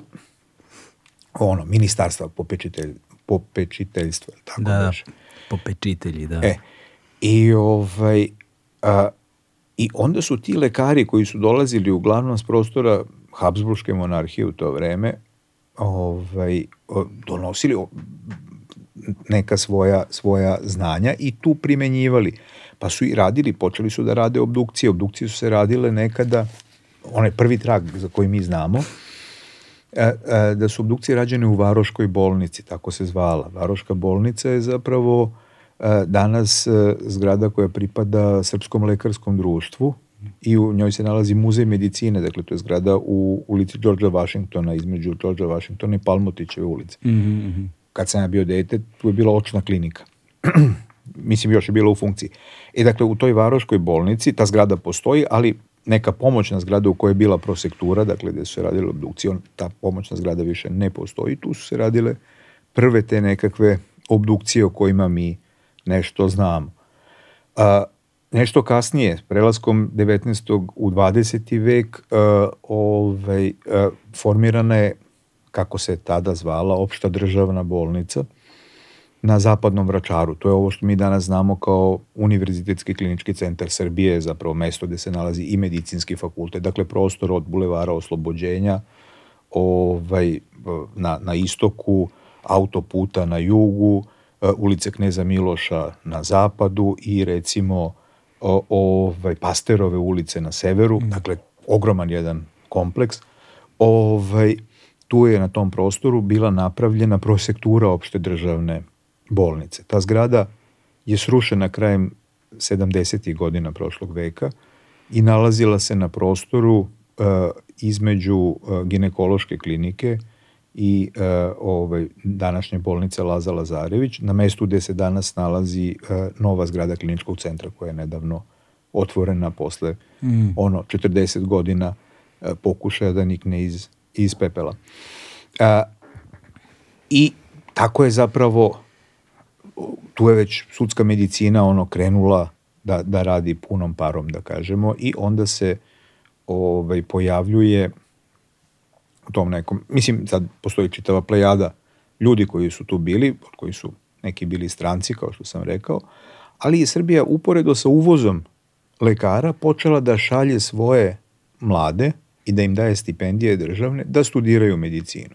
Da ih šalju u inostranstvo, tada medicinskog fakulteta nije bilo. Bila je velika škola, preteča univerziteta u Beogradu, ali osnivanje medicinskog fakulteta, iako je ta ideja postojala dugo u glavama ljudi, i, i postojala je realna potreba u društvu, ovaj, ta ideja je tek ostvarena uh, nakon, nakon Prvog svetskog rata. Mm. Zato što prosto su okolnosti društvene bile takve da nisu dozvoljavale. Dakle, uh, ali u tom periodu od početka 20. veka pa do, do stasavanja prve generacije studenta koji su završili studije medicine na Beogradskom fakultetu, zapravo mi smo uvozili, uh, uvozili lekare, odnosno slali naše lekare, da, odnosno našu, našu mladež da studira i da se vraća. Tako je i Milovan Milovanović pomenuti, ovaj, završio medicinu, učio patologiju i, i, i sudsku medicinu i onda se vratio i osnovao taj, taj mm. zavod. A posle iz Beograda, zapravo Beograd je bio, da kažemo, rasadnik iz koga su se ovi, ovaj, ovi ostali uh, pomenuti instituti ovaj, e, formirali. Isto tako, to je vreme kada je postojala bivša Jugoslavija, prvo kraljevina, potom Socialistička federativna republika Jugoslavija, e, praktično na ovim prostorima mi smo, e, naš institut je za nijansu mlađi od Zagrebačkog e, ove, ovaj, instituta za sudsku medicinu, koji je takođe pri fakultetu ovaj, sveučilištu u Zagrebu e, i on je, čini mi se, formiran 1918. godine, ali su tamo društvene okolnosti bile potpuno, potpuno drugačije. Mislim, postojala neka stabilna država do, do kraja Prvog svetskog rata, to je bila Austro-Ugarska i tako, mislim, jasno, jasno, jasno, da. O, ovaj, zapravo kada posmatramo zapravo kada posmatramo savremene civilizacijske tekovine koje čine ovaj, savremene države danas, mi smo u suštini veoma mlada država kada posmatramo te neke stvari. Ne? Kada poredimo sa istorijatom tih nekih nauka, delatnosti i oblasti razno raznih, po onom što se dešavalo u ostatku Evrope. Što je vrlo zanimljivo, ovaj, jer zaboravljamo da smo bukvalno do juče, znaš, do pre 100 godina, to su znači naše babi i dede, uh, ovaj, živjeli u jednom sasvim drugačijem okruženju, pod sasvim drugačijim okolnostima, sa sasvim drugačijim opasnostima, pretnjima po svakodnevni život koje je danas konvencija da svakodnevnog života je učinila to da smo potpuno zaboravili na te stvari. Koliko, pri, koliko privilegija ubiramo danas, a da ih nismo ni svesni. O, koji, koje do pre nekoliko decenija nisu postojale uopšte. Uh, Ove, ovaj, što je zaista fascinantno i uvek kada se vrati čovjek na to nekako ne, ostavlja snažan wow efekat. Um, ali suprotan od onog uh, eh, brehtovskog wow efekta. Dobro, to je sad nešto drugo. U svakom slučaju, uh, malo pre si pomenuo uh, i dopala mi, dopala mi se ta formulacija ljudska potreba da zaviri u mrtvo telo. Ovaj, uh, kako izgleda anticipacija tako nečega kroz studije i zapravo prvi susreti sa obdukcijama ono, na početku karijere. E, da, I, da bi... I koliko je to teško ili nije teško, ne znam, svršenim studentima, pošto pretpostavljam da se sa sudskom medicinom ne sreću pre recimo šeste godine ili tako nešto. E, tako je, sudska medicina dolazi na kraju, ali Uh, I onda su već prošli svašta, verovatno nešto iskustveno, da, ali, odmah, ali opet ne znam. Da. Odmah moramo za, za, za slušalce da, da, i gledalce zapravo da, da razbijemo taj mit. Ja sam to puno puta, pa i dan danas nekad odem tako na neki ovaj, negde gde me ljudi ono ne znaju i onda pričaju kao, ne, povede se tako neka priča i se zove, onda kaže, evo, ima tamo na medicinskom fakultetu neki bazeni, pa kao neke čakljama, pa tamo neki leševi u tim bazenima, pa ih vade. A vidiš, to nisam nikad čuo. Da, da, ni, ali to neverovatno, da, pa kao, i, i to pričaju onako puni, puni ovaj elana, kao, znaš, da, da ti otkriju neko. Ne znam, mene neko da pita neko gde, se, gde se drže leševi, ja bih, ja bih zamislio pre svega neki frižider. da, da. ne, ne, neki hladan prostor bih da, zamislio. Mislim, ljudi su očigledno fascinirani, jer zapravo tim svim fascinacijama, ja bih rekao da kriju strah od smrti. mislim, mi ćemo svi umreti, od toga smo negde svesni, ali možda ne želimo sebi da priznamo. I onda je to taj neki, ovaj, um, čini mi se isto neka, neka ono posmatram, manipulacija. Da, da. Posmatramo u svoju budućnost. da, da, da. Tako da to, to može da izaziva nelagodu. Drugo, ovaj, nekad isto kad gledat, mislim i, i, i, i kad posmatraš te ove, rituale e, neke zagrobne, jeli, odnosno oko, oko sahranjivanja, to ne znam, kupanje tela, dodirivanje, ljubljenje tela, mislim, jeli govorimo o, o različitim ono, no, ja, religijskim ove, ja, obredima. Ja sam to imao u kući čoveče kad je baba umrla pa je bila tri dana na stolu, ono, to je, imam traumu od toga. E, i to je, i to je usmereno tome da se ljudi suoče, da mogu da prihvate tu smrt, mislim da, jeli. A, e sad, da se vratimo na, na, na tvoje pitanje, dakle, studenti medicine prvi put vide e, ljudsko telo, leš, jeli, vide na anatomiji. Mm. Dakle, to su studenti prve godine. Već na prvoj godini. Da, da, već na prvoj godini, ali to je potpuno različito od ovoga što mi radimo. Jer a, ta tela na anatomskom institutu, to su tela koje su konzervirana, dakle koje su e, prošla kroz formalin i koja se mogu čuvati kao takva ono mesecima, godinama.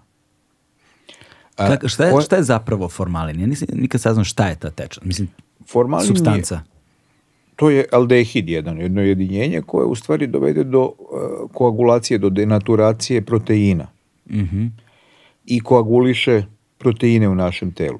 Tako koagulisani proteini, hemijski izmenjeni, ovaj, oni postaju nepodesni za rast, za, za razgradnju od, od bakterija i od, gljivica, od svega onoga što inače naše telo ovaj, razgrađuje nakon, nakon smrti. Ne naše telo, nego telo bilo kog živog bića, dakle i ljudskog i ne znam psa i tako dalje. I, ovaj, I na taj način mi jednostavno hemijski zaustavimo taj proces. Proces raspadanja. Tako je. Jer proces raspadanja je neumitan nakon smrti. Svako telo mm. koje je bilo živo, kad prestane da bude živo, počinje da se raspada. I raspada se različitom brzinom. I dakle dolazi ono do praha i pepela, jeli kako se to Jasne. kaže. Sad, taj, period, taj proces može različito trajati, to je sad posebna priča i tako dalje.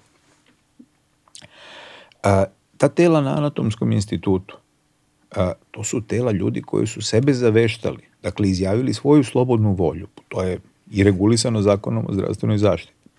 Dakle, svako može da izjavi svoju slobodnu volju, da ovaj, je overi, da obavesti medicinski fakultet u Beogradu ili u drugim gradovima, nije bitno, a, i da njegovo telo nakon smrti bude preuzeto sa tog mesta gde je umro, da prođe kroz taj proces konzerviranja, o kome smo govorili, da to telo bude čuvano za te nastavne i naučne potrebe. I šta studenti rade zapravo na anatomiji? Pa oni skidaju sloj po sloj, dakle, jer izučavaju mišiće, živce, organe i tako dalje i ti postepeno možeš da uklanjaš. Dobro, danas je to sad, mislim, e, e, uopšte i, i, i nauka i ta didaktička sredstva koja mi koristimo u nastavi e, se tako ubrzano razvijaju. Ja kada sam uh, bio student, dakle govorimo o periodu od, od 1986. do 92. godine, a, nisu postojale 3D atlasi, CD-ovi, online platforme, mislim, mi smo imali Znači, profesori su crtali po tabli kredom mišiće, kosti, šta ti ja znam, sve to što smo trebali da naučimo.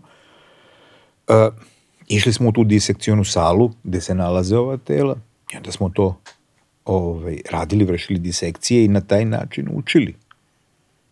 E, i, i, i shvatali to u 3D, jer inače nije postoje način da ti to shvatiš u 3D. Mislim, to je potrebno uh, ako ćeš se baviti hirurgijom, ako ćeš se baviti nekim stvarima, ti moraš da imaš taj neki ovaj, osjećaj kako to u, u prostoru e, izgleda i naravno kako funkcioniše i tako dalje. Mm.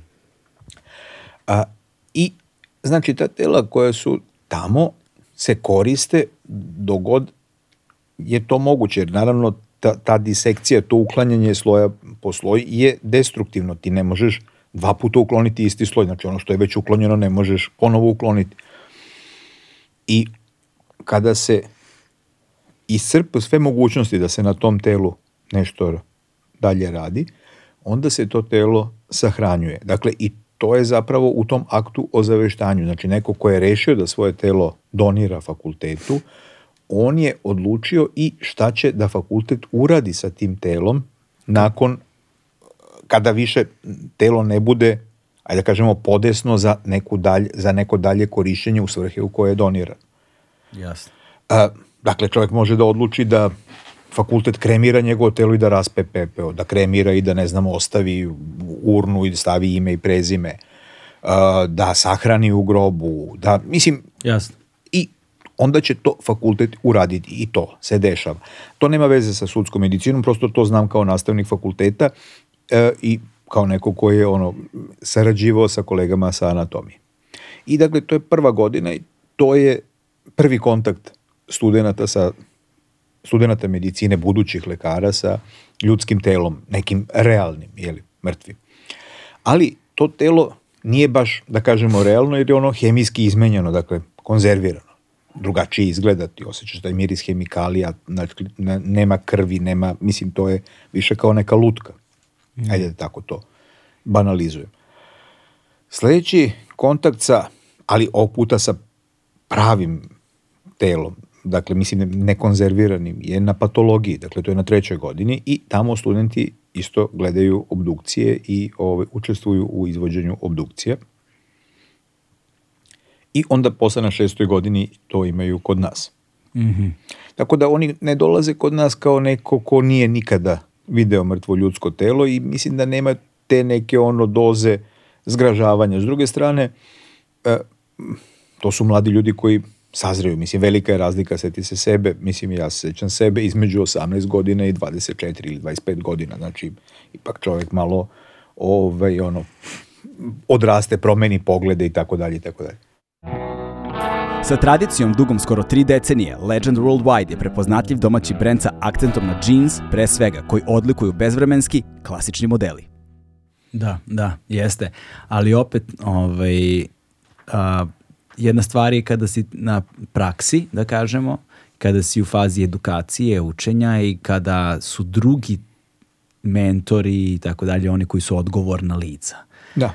Ali sasvim je druga stvar kada prvi put ti postaješ odgovorno lice koje preuzima stvari u svoje ruke i kao sada zvanično je okolnost sasvim drugačija. Jeste, ali vidiš, uh, uh, ti preuzimaš odgovornost, znači specializacija sudske medicine traje četiri godine. Mm. Dakle, nakon ovih šest godina studija medicine... Dodamo još četiri. Ovaj, neko ko se opredeli za sudsku medicinu, evo mi smo sad skoro 15. Eh, maja počeo da radi kod nas naš najmlađi član ove naše katedre, Veljko, i sad recimo on prvo ovih dana gleda, dakle ništa ne radi, mislim tu je, pomaže nam, vrti se okolo, mislim prosto malo da se saživi sa, sa tom celom atmosferom. Jasno. Pa će onda on početi da radi obdukcije, Sad za četiri, govorim, sad za četiri govor, ne, ne, ne, ne, ne, ne, ne, ne, ne, govorim sad o njemu, ali to je nešto što smo svi prošli, to sam prolazio i ja nekada Jasne. kad je tome vreme bilo. A ovaj, on će recimo negde otprilike za desetak dana dobiti prvu obdukciju koju će on da radi, ali to neće biti samostalno i on zapravo dok završi specializaciju te četiri godine. De, te, te četiri godine ovaj, on će raditi pod supervizijom. Mislim, on će raditi, ali on ne odgovara za to. To je kao kad ideš ono na, jeli, da učiš za šoferski ispit. Jasne. Tako imaš instruktora koji ima duple komande, ako ti za volanom ubiješ pešaka, nećeš ti da odgovaraš, nego će da odgovara instruktor, ili tako? Jasno, jasno, da. O, koji je dužan da te kontroliše šta radiš. Tako isto i ovde. Dakle, naš mladi kolega će početi, prvo će da dobije a, najjednostavnije slučajeve, dakle nekih ono slučajeva gde nema povreda, gde je neko umro pod nerazjašnjenim okolnostima, ali mi procenimo da će to verovatno bude neka srčana smrt. Dakle, čovjek je od infarta se, ono, odjednom samo se ovaj okrenuo i ono, izgubio svest i po, nakon toga ubrzo umro. Dakle, gde, gde je za njega u, u toj prvoj fazi bitno da prvo ostvari kontakt sa telom i da vežba tu tehniku obdukovanja, jer mi imamo zapravo nekakva pravila po kojima mi radimo. Dakle, nije to sada neko e, nasumično sečenje, kasapljenje, kako god bi to neko mogao da nazove. Jasne, Nego postoji određeni redosled i određeni načini na koji mi ovaj, otvaramo telo, vadimo organe, pregledamo, da se nešto ne bi propustilo da bi se sve to sagledalo i to se zove obdukciona tehnika. Da, da. Koje su tehnike obdukovanja? Kako izgleda procedura? Ajde pre toga korak jedan unazad. Dakle, prvo da, pošto smo rekli da ćemo i to da pomenemo. Dakle, u kom trenutku se zahteva obdukcija, kako izgleda ta procedura i onda potom, jel te, kako izgleda tehnika obdukovanja mm -hmm. kroz, koju, kroz koju prolazi, znači, nešto što mislim da je ljudima zanimljivo da znaju. Da, vidiš ovako. Uh, već, smo, već sam pominjao da je zapravo zadatak obdukcije prvi osnovi da se utvrdi uh, uzrok smrti. Ali ima koji su još, koji su drugi? Tako je, dobro, može možda se utvrđuje, znači da ona pomogne za utvrđivanje identiteta leša. Nekada mm. se ne mhm. zna kako se umrla osoba zvala, neko je zatečen ispod mosta, na ulici, u iznajmljenom stanu na dan, mislim, Jasno. gde god. Prevozno sredstvo pa mi tu pomažemo da se utvrdi identitet, o tome možemo isto da pričamo. Da, tu, tu ćemo se vratiti i na toksikološke e. e. analize i na yes. DNK analize yes. i tako dalje. A, ovaj, onda recimo obdukcija služi da se utvrdi da li postoje nekakve povrede, da se objasni njihov mehanizam nastanka. Mm. Obdukcija može da služi kao provera kvaliteta a, e, lečenja.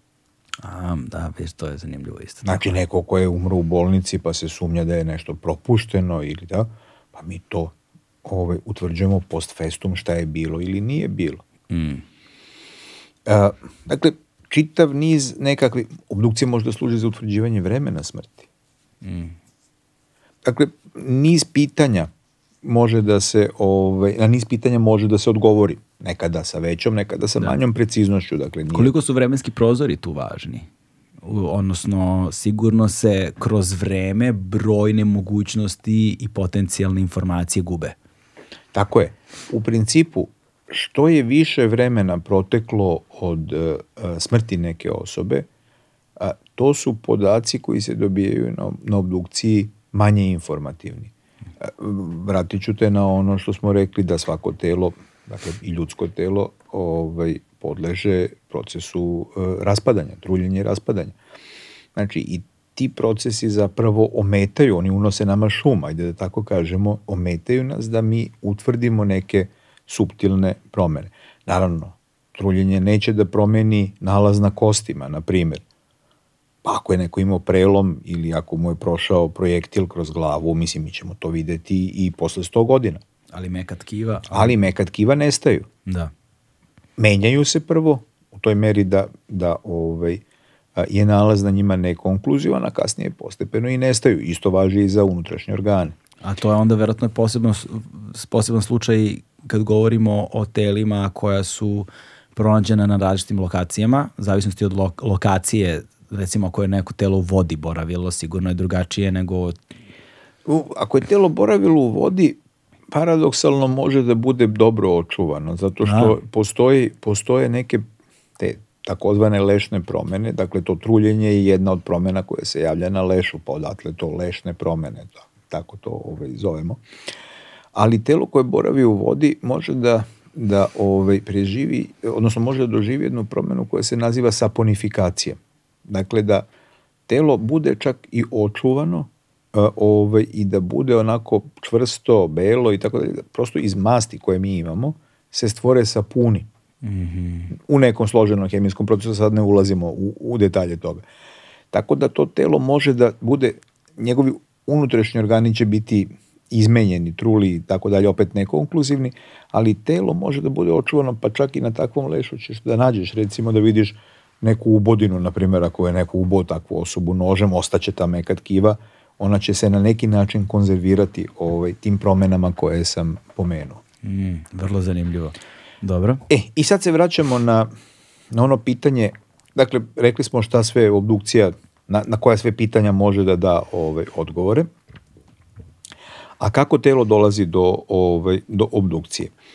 Tu su ključne odredbe neka dva zakona koje, se, ovaj, koje su u opticaju, to je zakon o zdravstvenoj zaštiti i e, zakonik o krivičnom postupku. E, zakon o zdravstvenoj zaštiti, njega sam već pominjao u, u kontekstu onoga da svako ko je umro mora da bude pregledan od lekara koji će izdati da. potvrdu o smrti. Da zbog, da se... I zbog Zavoda za statistiku i zbog javnog zdravlja. Jeste. I sad, ajde opet da napravimo jednu digresiju istorijsku. Mm -hmm. Znači, E, to je tako počelo pre mnogo godina, ne govorimo o Srbiji, nego generalno, e, da, su, da su se zdravstveni radnici ovaj, uveli u to da pregledaju mrtve ljude. Mm-hmm. A zašto se to dešavalo pre, recimo, 200-300 godina? Pa, zato što je postojao strašan strah od toga da će neko biti sahranjen da je živ, da je samo obamro. Aha, da. I to je, bio, to je bio strašan strah. Kao, zamisli da mene zakopaju živog. Šta ću ja jadan da radim? Otprilike. I onda su krenuli, jer kako mi možemo Mislim, danas mi možemo da stavimo EKG, jel tako, i da vidimo, da dobijemo ravnu liniju, da srce nema električnu aktivnost i to znači da to srce ne radi. Da. I to je, ono, jednoznačno, ne može da se tumači drugačije. Ali već pre 70 godina nije postojao EKG pre 200 godina apsolutno nije postao EKG. Da. Znači, da li si ti imao neku mogućnost da to, ok, mogo si da osluškuješ da li neko diše? Da, da, da. Jer zapravo, aj sad, šta je, šta je smrt? Kako bismo je definisali? Da, ne znam, slušam. Pa, kaže definicija da je smrt irreverzibilni prestanak disanja i cirkulacije. Mm, znači, disanje i cirkulacija su ključni. Tako je. I Znači, nepovratni, irreverzibilni. Jer postoji nešto što je klinička smrt. Znači, nekom stane srce, ali onda mu lekari daju, ne znam, elektrošokove, lekove, masaža srca i ta osoba, kako kažu, oživi. Dakle, on je bio u kliničkoj smrti. Da.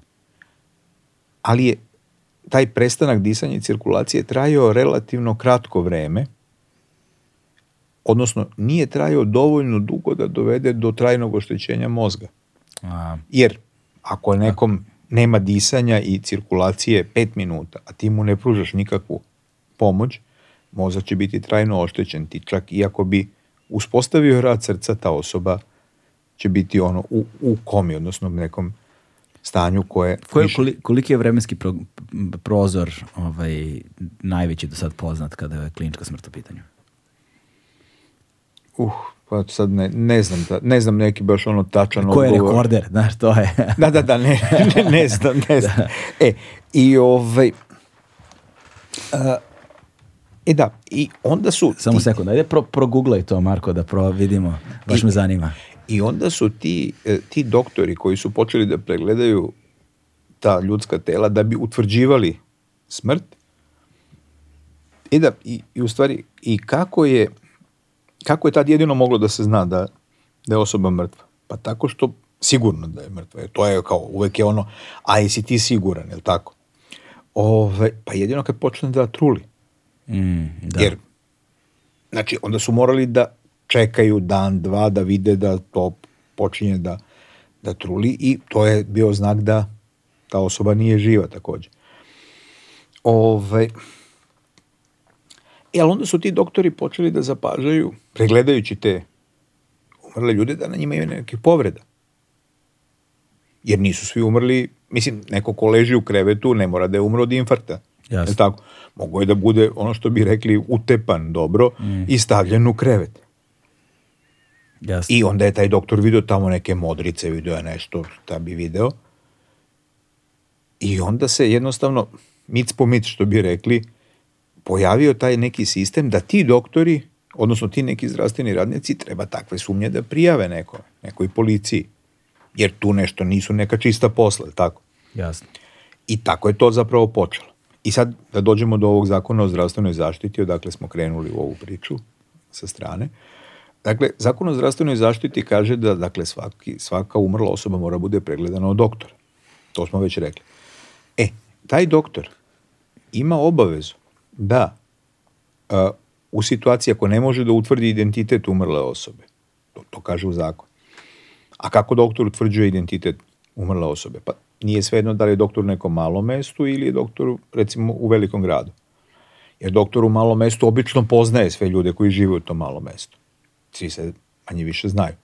Tako da mu ne treba sad neka lična karta i to on zna da je to komšija Pera Žika i tako dalje. Mislim i samo će pitati datum rođenja i ostalo i popuniti te mm. te nekakve podatke. Dakle, tom doktoru to nije problem. Sam doktor je i svedok između ostalog. Lično je poznavao, Lično ajde je da kažem. Lično je poznavao, da. E, ali u velikom gradu to je redak slučaj. Vrlo redak, da. Uf, kako, dakle, li, kako sad, sad mi je palo na pamet, kako li izgleda trenutak kada na obdukcijnom stolu ili, mislim, u mrtvačnici ili kako se već zove, vidiš nekoga koga poznaješ. A e, ti se dešavalo to nekad? Jest. A da Jest. nisi znao da si bio iznenađen? Jest. Recimo svog, vidio sam telo svog profesora iz srednje škole. Uh. Mislim koji ima, koji je imao zapravo ime i prezime koje su vrlo frekventne. Da, da, da. Jeli, znači, kad neko ima neko specifično ovaj, ime i prezime, onda to nekako ovaj, budi sumnju, ali ovo je bilo Baš. Da, kad bi čuo moje ime i prezime, znao bi. da, ili pa čak i moje, da, da, mislim, da, da, da, koje, da. ime ne toliko, ali prezime je retko zaista. Jasno. ovaj ili nije često. A, dakle, desilo mi se da sam da, dobio tu obdukciju i ono, ime i prezime. Mislim, ne obraćam pažnju na ime i prezime Jasne. umrle osobe, mislim, to nije bitno, sem za administrativne neke ono poslove. I onda kad sam ušao u obdukcijnu salu, kad sam pogledao, sam shvatio da je to profesor koga sam čak ono jako voleo i cenio i zaista bio izvrstan čovjek. I, i pre svega stručnjak, mislim, u, ove, i tako, tako da dešava se i to.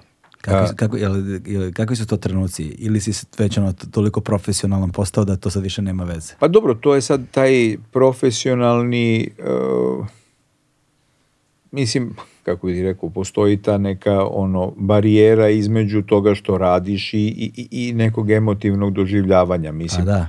Dobro, pred, mislim, naravno da niko ne bi obdukovao nekog svog bliskog rođaka ili nekoga... Ali postoje pravilo već za time, da ne možeš da radiš obdukciju na ne znam, ono... Pa članovi. dobro, tu bi, se, tu bi se moglo postaviti pitanje pristrasnosti, da. recimo, mislim, ali, etika po, ali pre, svega, pre svega ljudskosti, mislim, kako sada, ne znam, da, da ovaj, Da li zakonski postoji?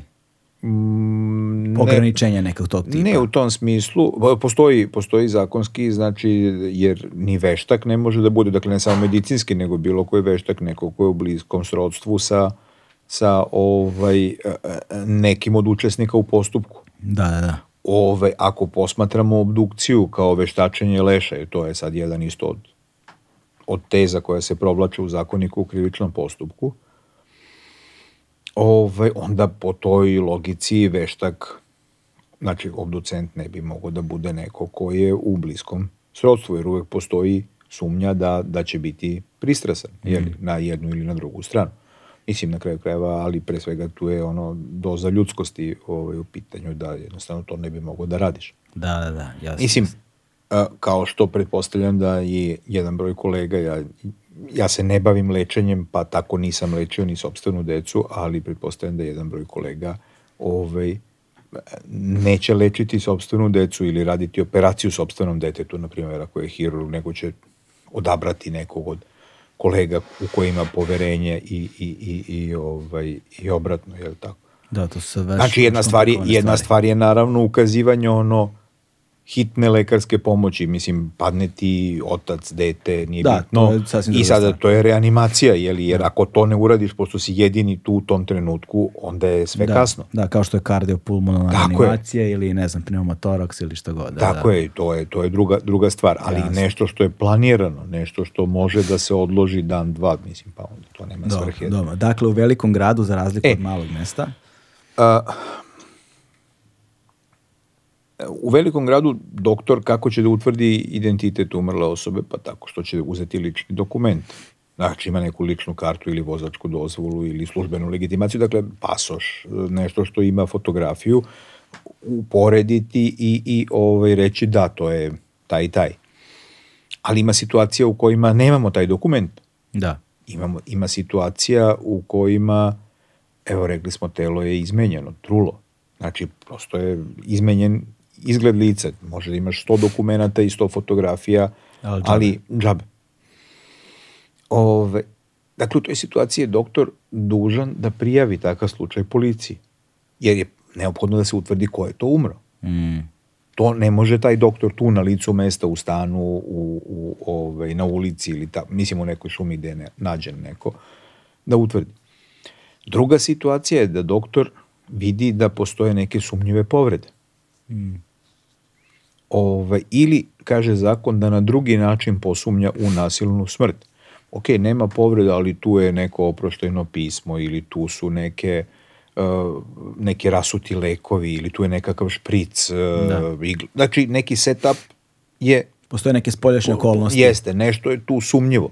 Da. Ili je bio neki požar tamo u drugom delu kuće, a ovaj ovde u ovom delu nađen mrtav. Ok, nije ispečen, mislim, nije bio Jasne. u vatri, ali koincidencija može biti i, i da nije slučajno.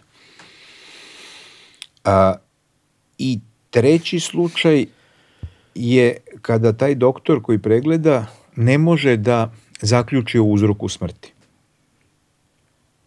Dakle, doktor može da, kako doktor može da zaključi uopšte uzroku smrti? Pa onaj u malom mestu, ako je znao pacijenta, je li on zna da je, aha, ona baka je tamo imala, ne znam, vodu na plućima, što bi rekli, babe i tako dalje, lečila se, otekle noge, pa ok, umrla od srca, nema povreda, nema nekih sumnjivih okolnosti, ovo je imao karcinom Jasno, i tako dalje.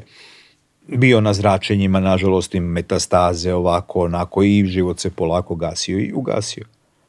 A, pa to ili imam neposredno saznanje, pošto sam u malom mestu pa sam taj neki doktor, a u velikom gradu nemam to neposredno saznanje, ali porodica mi da otpusne liste iz bolnica, da mi imaju neke papire, svako ima neke one izveštaje lekarske, pa ja to pogledam, pa vidim, aha, pa da, to, to je to. Da. Ovaj, ali isto tako, neko je možda imao neke mentalne smetnje, na primjer, lečio se zbog schizofrenije i porodica mi da to i kaže, evo, on je bio mentalni bolesnik. Da. Ali od same schizofrenije se ne umire Da. Dakle, s tim se živi i pati i tako dalje, ali se ne umire od toga. I to nije, ja ne mogu na osnovu toga da zaključim da je čovjek umro od šizofrenije, to ne može da stoji kao uzrok smrti. Jasno. ja nemam sada ideju od čega je ta osoba umrla. Znači ja sam u toj situaciji dužan kao lekar, onaj koji pregleda umrle, dakle ne govorim o sebi kao sudskom medicinaru, nego sam se sad stavio u ulogu tog lekara koji u nekom stanu vrši pregled da. umrlog. No Dakle, bilo koja od te tri situacije, neutvrđeni identitet, sumnjive povrede ili ovaj, nemogućnost da utvrdim uzrok smrti, ja sam dužan, zakon me obavezuje da to prijavim policiji. Policija, znači isto važi i za doktore u bolnicama, koji Jasne. konstatuju smrt pacijenata koji leže na bolničkim odeljenjima, leče se tamo i u jednom momentu umru. Da. Uopšte ne mora znači da su umrli zbog onoga zbog čega leže. To je, Tako. I dešava se to. E, i sada, dakle, Kada taj doktor pozove policiju, policija obavesti javnog tužioca.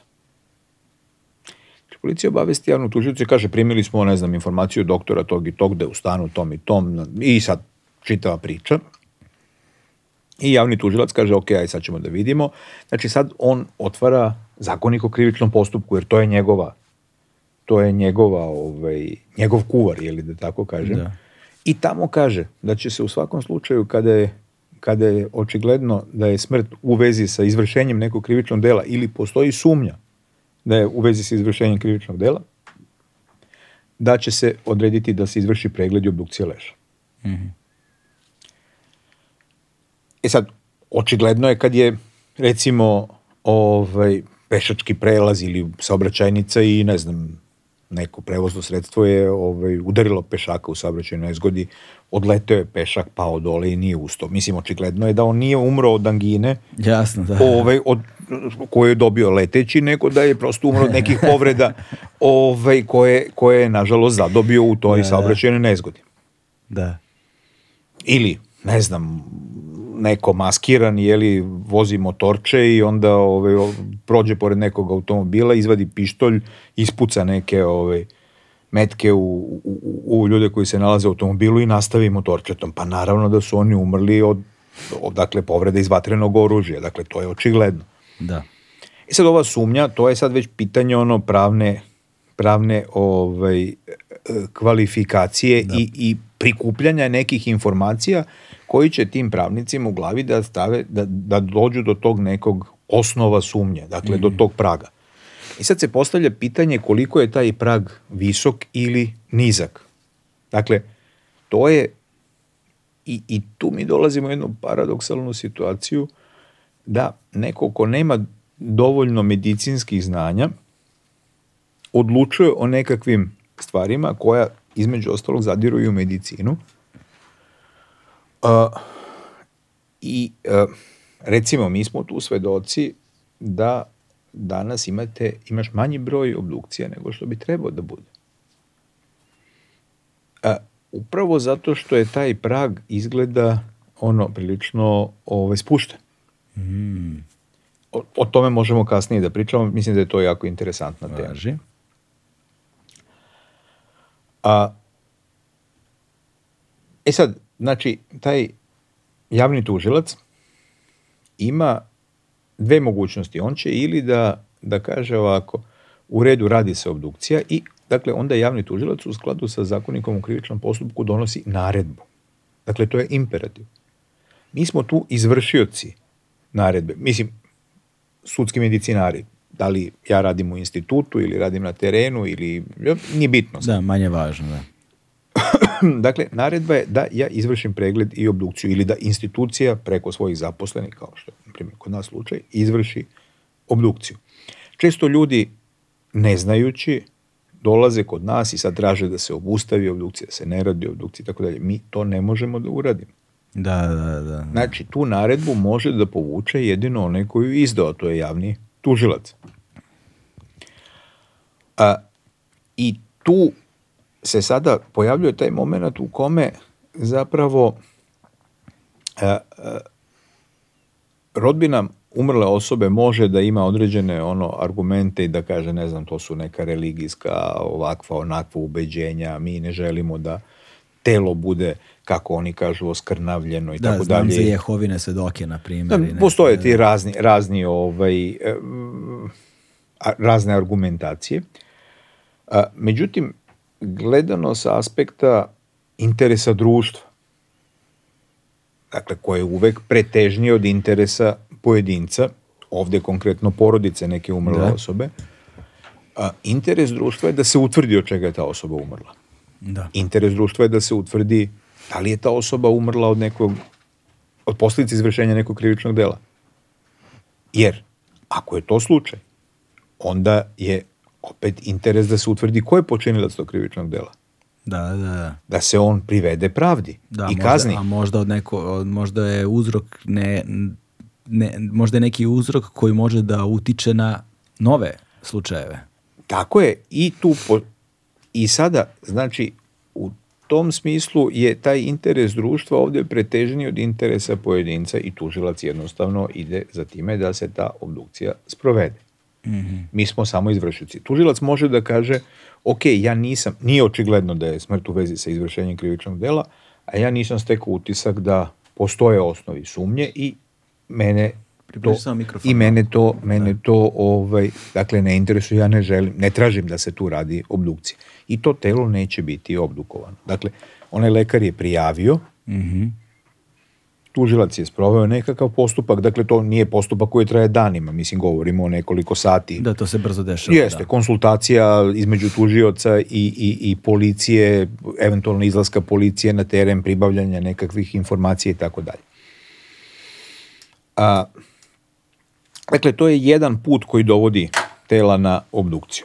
Drugi put koji dovodi tela na obdukciju jeste a, jeste taj zakon o zdravstvenoj zaštiti, opet, gde se kaže da ukoliko je smrt nastupila u zdravstvenoj ustanovi, dakle misli se da je neko primljen u bolnicu, jeli, ne u čekaonici i tako dalje, nego je ležao u bolnici, primljen je, e, i ukoliko je smrt te osobe nastupila unutar 24 sata od momenta kad je lečenje započeto, od momenta prijema, je obavezna obdukcija sem u slučajevima kada je nedvosmisleno utvrđeno da je nedo, nedvosmisleno utvrđen uzrok smrti. Da.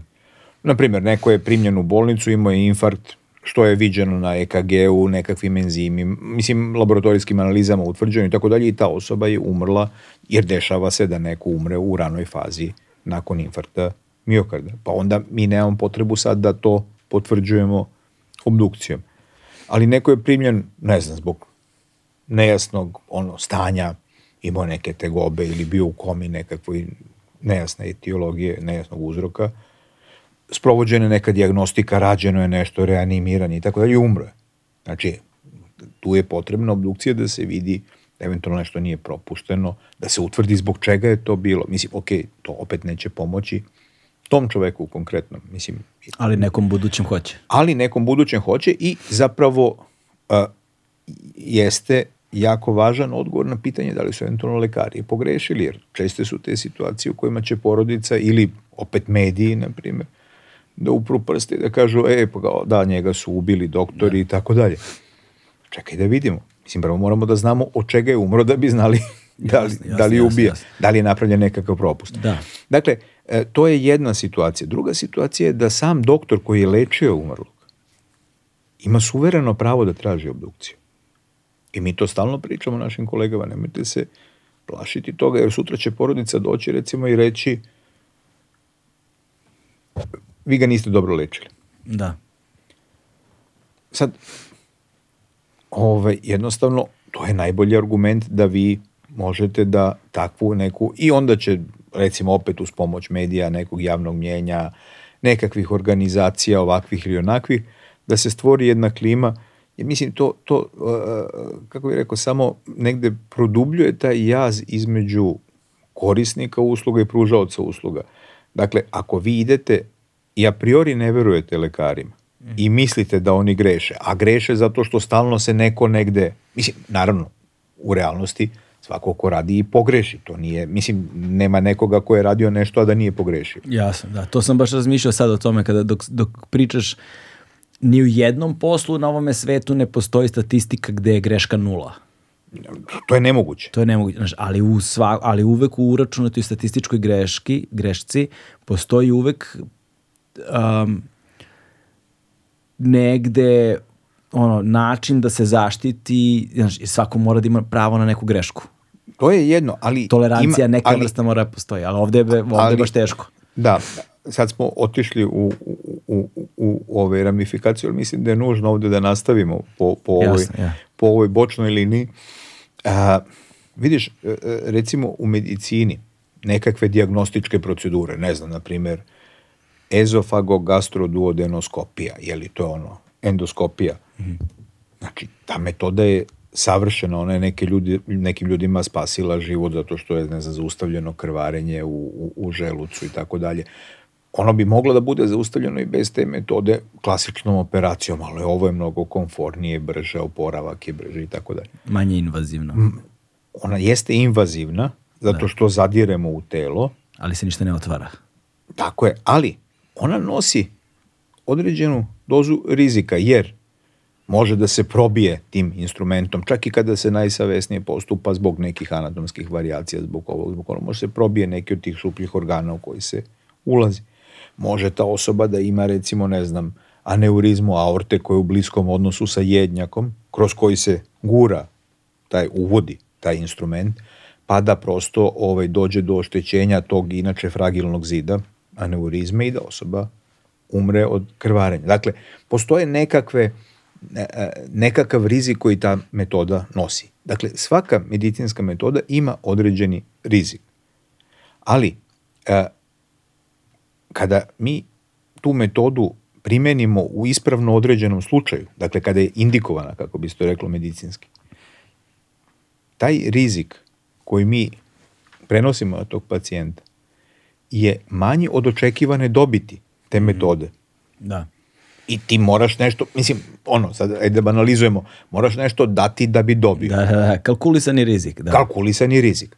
I sad, ako uzmemo da je recimo rizik jedne metode, neke metode 1% za smrtnost. To teorijski znači da će stoti pacijent koji bude podvrgnut toj metodi moći da umre. I zaista se desi da neko umre. Mislim, tog koji je umro, dobro, njega se naravno ništa to više ne tiče, ali recimo njegovoj porodici je jalova uteha što je 99 nekih drugih pacijenata prošlo savršeno, izlečilo se, našlo svoj spas u tom. Da. I oni će uvek da kažu, lekari su pogrešili. Mislim, ne uvek, ali u znatnom broju slučajeva. I još kad se to podgreje nekom takvom pričom, ono u medijima, onim bombastim naslovima, doktori ubili A, ovo, da. uradili i tako dalje. Tabloid, tabloidnim izveštavanjem, da. Ovaj, onda se samo produbljuje taj nekakav jaz između pacijenta i, i, i, zdravstvenog sistema i zapravo a, dovodi se, dovode se ljudi u jednu strašno tešku poziciju. Jer ako ti odlaziš kod nekoga, ja da prosto nisam verovao i da mi se tvoja ideja da pričamo danas nije učinila interesantno. Sam ja mislio da će ti sad nemam pojma šta da uradiš od ovoga. Mislim, ja ne bi došao kod tebe. Jasno. Ili bi našao neki izgor ili bi rekao jednostavno neću. Tako je. Razumeš? Ali pacijent mora da dođe jer on ima određeni problem, dakle on sad može da bira između tebe lekara i mene lekara, ali kod nekog mora da dođe, ali ako on ne veruje ni jednom, a sad je došao kod mene zato što meni malo ovaj, više veruje, ali i dalje ne veruje, ovaj, meni malo više veruje nego tebi ili da, da. da. Ove, ovaj, to nije dobro za, za dinamiku odnosa lekar-pacijent. Znači i tu zapravo su ta neka senzacionalistička ovaj, pisanja i, i, i priče o tome ovaj, kobna. kobna. I tu je negde uloga isto sudske medicine da pomogne u utvrđivanju onoga da zaista postoji odgovornost lekara, mm -hmm. kako bi oni bili na neki način sankcionisani, ovaj, da se takva praksa ne bi dešavala i da se prosto da ljudi znaju da da neko to posmatra i da postoji odgovorno. Mislim, da. da- postoji da, nadzorno telo, odgovorno telo, da, postoji neka vrsta odgovornosti koja garantuje jest, budući rad. Tako da. je. I ove, ovaj, e, dakle, sad se vraćamo opet na to kako tela dolaze na obdukciju. Dakle, to je da sam lekar koji je lečio može da zahteva obdukciju. Onda isto zakon o zdravstvenoj zaštiti kaže da je obdukcija obavezna u toku ukoliko je smrt nastupila u toku diagnostičkih i terapijskih procedura, pa evo to se sad naslanja na ovu našu priču, mhm. jer te diagnostičke i terapijske, dakle govorimo o, intenziv, o invazivnim procedurama, videli smo da nose rizik. Jasno, da. Pa čak i kada se izvedu sa pažnjom dobrog stručnjaka, dakle na najbolji mogući mm -hmm. način, one će u određenom broju slučajeva da dovedu i do neželjenog ishoda, uključujući i smrt pacijenta. Jasno. Ali mi onda u takvim situacijama obdukcijom utvrđujemo da zapravo, ne utvrđujemo nego proveravamo, a najčešće ćemo i da utvrdimo, da nije bilo propusta i da je ta štetna, ne, neočekivana, neželjena posljedica nastupila unutar nekog ono prihvatljivog, prihvatljivog rizika, te mhm. margine koju, koju, smo, koju smo mi kalkulisali i na kraju krajeva nečega o čemu je pacijent obavešten u onom svom informisanom pristanku. Mm. Da, da, se da, saglasio. Da, da, da. to je, da, jer su mu rekli... Svaka operacija nosi rizik neki tako sa je. sobom i tako dalje, da, da. Tako je. Sad je pitanje, znači nekoga ko prihvata taj rizik za neku operaciju koja mu spašava život, tako je. Mm. u odnosu na nekoga ko prihvata sličan rizik za recimo estetsku operaciju, da bi imao, ne znam, ono, pravila nos ili, ili manje ili veće grudi i tako dalje. Da, da, da, da. Znači, to su, ali to je naravno izbor pacijenta, odnosno svakog čoveka. Uh, Gde još zakon kaže da je obavezna obdukcija, to je ukoliko smrt nastupi u toku porođaja ili neposredno nakon rođenja deteta, odnosno dok traje lečenje. Dakle, tu zakonodavac zahteva jedan vremenski kontinuum od rađanja deteta do nekog lečenja koje traje, koje je započeto od samog momenta rađanja, pa traje ovde konkretno do smrti deteta.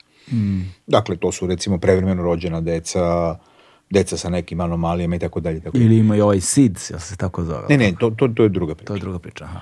A, jer ova odredba je ušla u, u zakon uh, inspirisan ovom aferom beba koja postoji, A, da. krađama iz porodilišta i tako dalje. To ranije nije bilo obavezno, ali je kasnije uvedeno kao uh, da bi se osigurao jedan jasan put za svu tu decu, dakle da, da, da koja su se rodila i u nekom manje, mislim nekom kraćem vremenu nakon rođenja ili na samom rođenju umrla ili kraćem vremenu nakon toga, da bi bilo osigurano da ta tela prolaze kroz sistem ovaj, obdukovanja.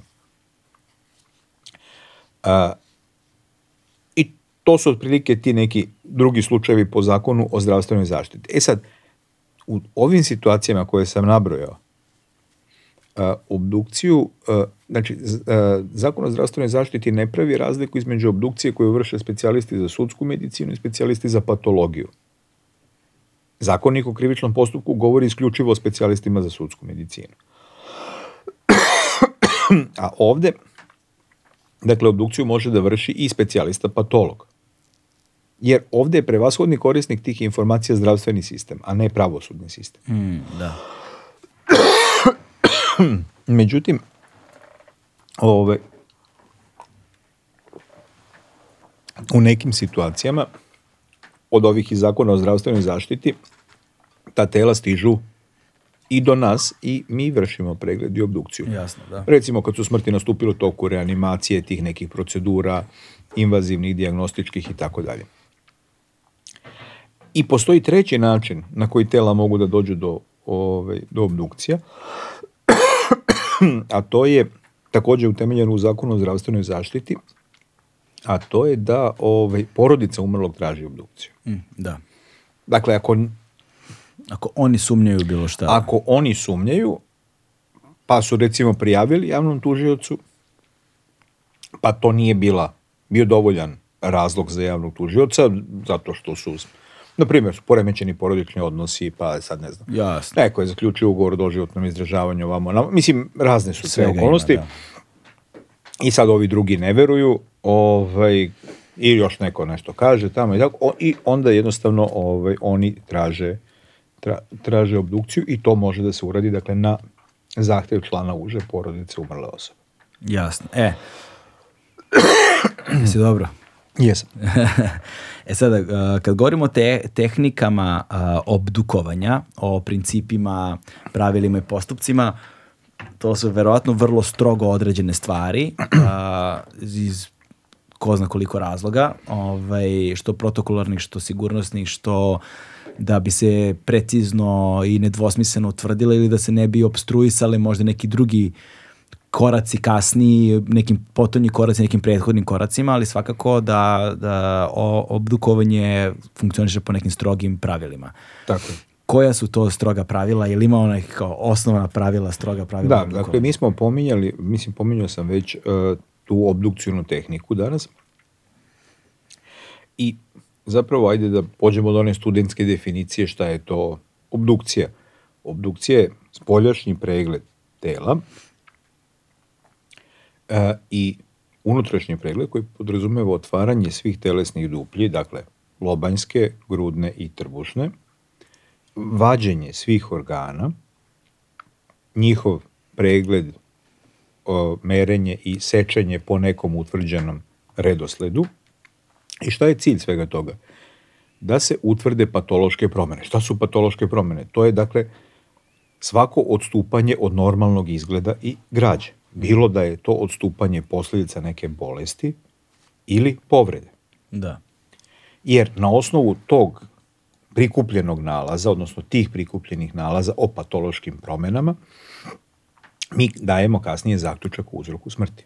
Dakle, mi sad cenimo, ok, neko će imati, nemam pojma, neku modricu, to jeste patološka promena, dakle, jeste to povreda, ali nije umro te modrice, mislim, mi smo svesni toga, ali istovremeno ta osoba Uh, se recimo obesila, ima trak stezanja, ima prelome, ne znam, podjezične kosti, ima sve znake ono smrti usled ugušenja, odnosno udušenja, i mi kažemo smrt je nastupila usled vešanja.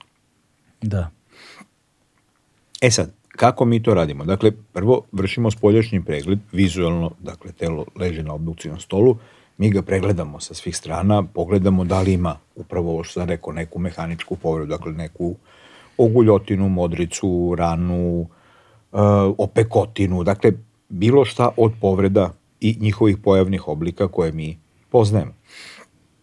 Isto tako uočimo na tom telu da li postoje nekakvi znaci oboljenja, neko je možda u redu ima povredu ili nema povredu, ali ima znakove neko, neke kožne bolesti ili neke kožne manifestacije nekog sistemskog oboljenja, što je za nas takođe značajno pa neko će imati na spolja na telu nekakve druge promene, na primjer imaće ožiljke zato što je sekao vene, mislim to vi vidite. Jasno. Ili su gasili nekakve pikavce po njemu, ili ima neke tetovaže ili piercing, jer što su osobeni znaci koji mogu da budu od pomoći za identifikaciju, na primjer ako je to da. telo neidentifikovano.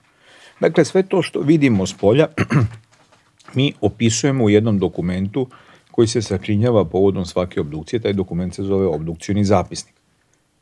I on ima to poglavlje, dakle, spoljašnji pregled, i on, odnosno spoljašnji nalaz, i onda tu opisujemo to sve što smo videli s polja. Kad to sve završimo, onda se telo otvara. Dakle, otvaraju se ove tri duplje koje sam pomenuo, Ove, ovaj, I onda se isto tim redosledom, i u principu se sve procedure u obdukciji rade od, glav, od, iz, od glave do do pete, što bi se reklo. Dakle, iz pravca glave prema, prema dole. I na taj način se i vrši opisivanje. Prvo opisujete glavu, pa ne znam, vrat, pa ovaj, grudni koš, trbuh i onda na kraju pregled kostiju. Mm. I to zapravo mi radimo. Dakle, organe vadimo, izmerimo svaki organ, postoje prosečne ovaj, mase, veličine organa, koje naravno koreliraju i sa ono, uzrastom i e, ovaj, građom. Nekada da vam je recimo sama težina organa dovoljna da zaključite, na primjer, da je postojao otok, na primjer, otok pluća. Jasno, da. I od otoka pluća, recimo, ako, su, ako je zbir mase oba plućna krila preko kilograma, ovaj, to je mogo da bude samo po sebi uzrok smrti zbog otoka pluća. koliko su teška pluća proseku?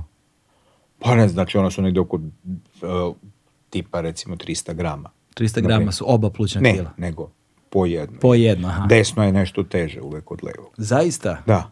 Zašto? Desno ima tri režnja, recimo, levo ima dva režnja. Mm. Srce se dominantnije nalazi u levoj polovini, ono se nalazi u sredogruđu, dakle u središnjem delu, ali zadire i u levu polovinu ove ovaj, grudne duplje, pa je levo plućno krilo nešto manje. Mm, da, više u odnosu uvijek, na desnu. Ja sam uvijek imao ideju da su plućna ne. krila simetrična, ali eto. Ne, ona nisu. A. Recimo, bubrezi jesu simetrični. Da, da, da, da, da, da, zanimljivo, zanimljivo. E sad, jedna stvar, ovaj, vraćat ćemo se sigurno na tehnike obdukovanja u, u ovom milionom pogledu, zato što obdukovanje uh, je vrlo zanimljiva kategorija koja nas vodi između ostalog u sledeću jednu fazu ovaj, tvog životnog puta i razvoja. Uh, a to je dakle vrlo simptomatično kako si rekao, dakle šest godina osnovne studije do 86. 92. a onda kako se rekao specijalizacija je četiri godine i eto tebi se baš četiri godine specijalizacije od 92. do 96. al tako? E, da, dobro, do duše ja moram da, ovaj, dakle meni su, meni je pet godina su bile osnovne studije, ja sam ono, taj produžio malo apsolventski rok, Ovaj, u to vreme su bile pet godina. Približi samo mikrofon mm -hmm. sebi, ne, samo ga sebi približi. U, u to vreme su bile slobodno, slobodno. osnovne studije pet godina. Da, da. E, a moja specializacija je trajala tri godine. Umeđu vremenu mhm. se ona, po, mislim taj program je produžen pa sada traje četiri godine. A, dobro, dobro. Ali... Tako da sam ja za razliku recimo od, uh, znači moje mlade kolege imaju deset godina školovanja da bi postali ovo, a ja sam imao Osam. Osam godina, dobro. Dakle, malo privilegovana pozicija. Da. da. E, sada, a, ali ono što je zanimljivo jeste, ali ono što je zanimljivo jeste da a, 1996. godine ovaj, se tvoj životni put račva. Dakle, u jednom trenutku ti, a, ja sam to i zapisao, Dakle, Račva se uh, uh, 1996. godine upoznaješ uh, uh, određenog holanđanina.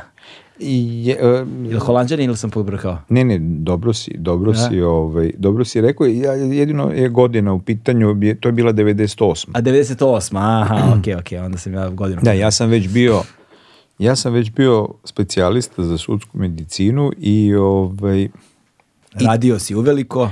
Radio sam uveliko, da, imao sam... I to sam samostalno? Već, samostalno, ali u stvari ti tek tad shvatiš da ok, ti imaš ono što bi rekli majstorsko pismo, imaš to, tu specijalističku diplomu a, i, ovaj, i onako imaš malo godina i misliš da je sve, ali onda shvatiš u stvari da, je da tvoj. da, da, ali onda tek shvatiš u stvari koliko, koliko ovaj, hodaš po tankom ledu, znaš. Jasno.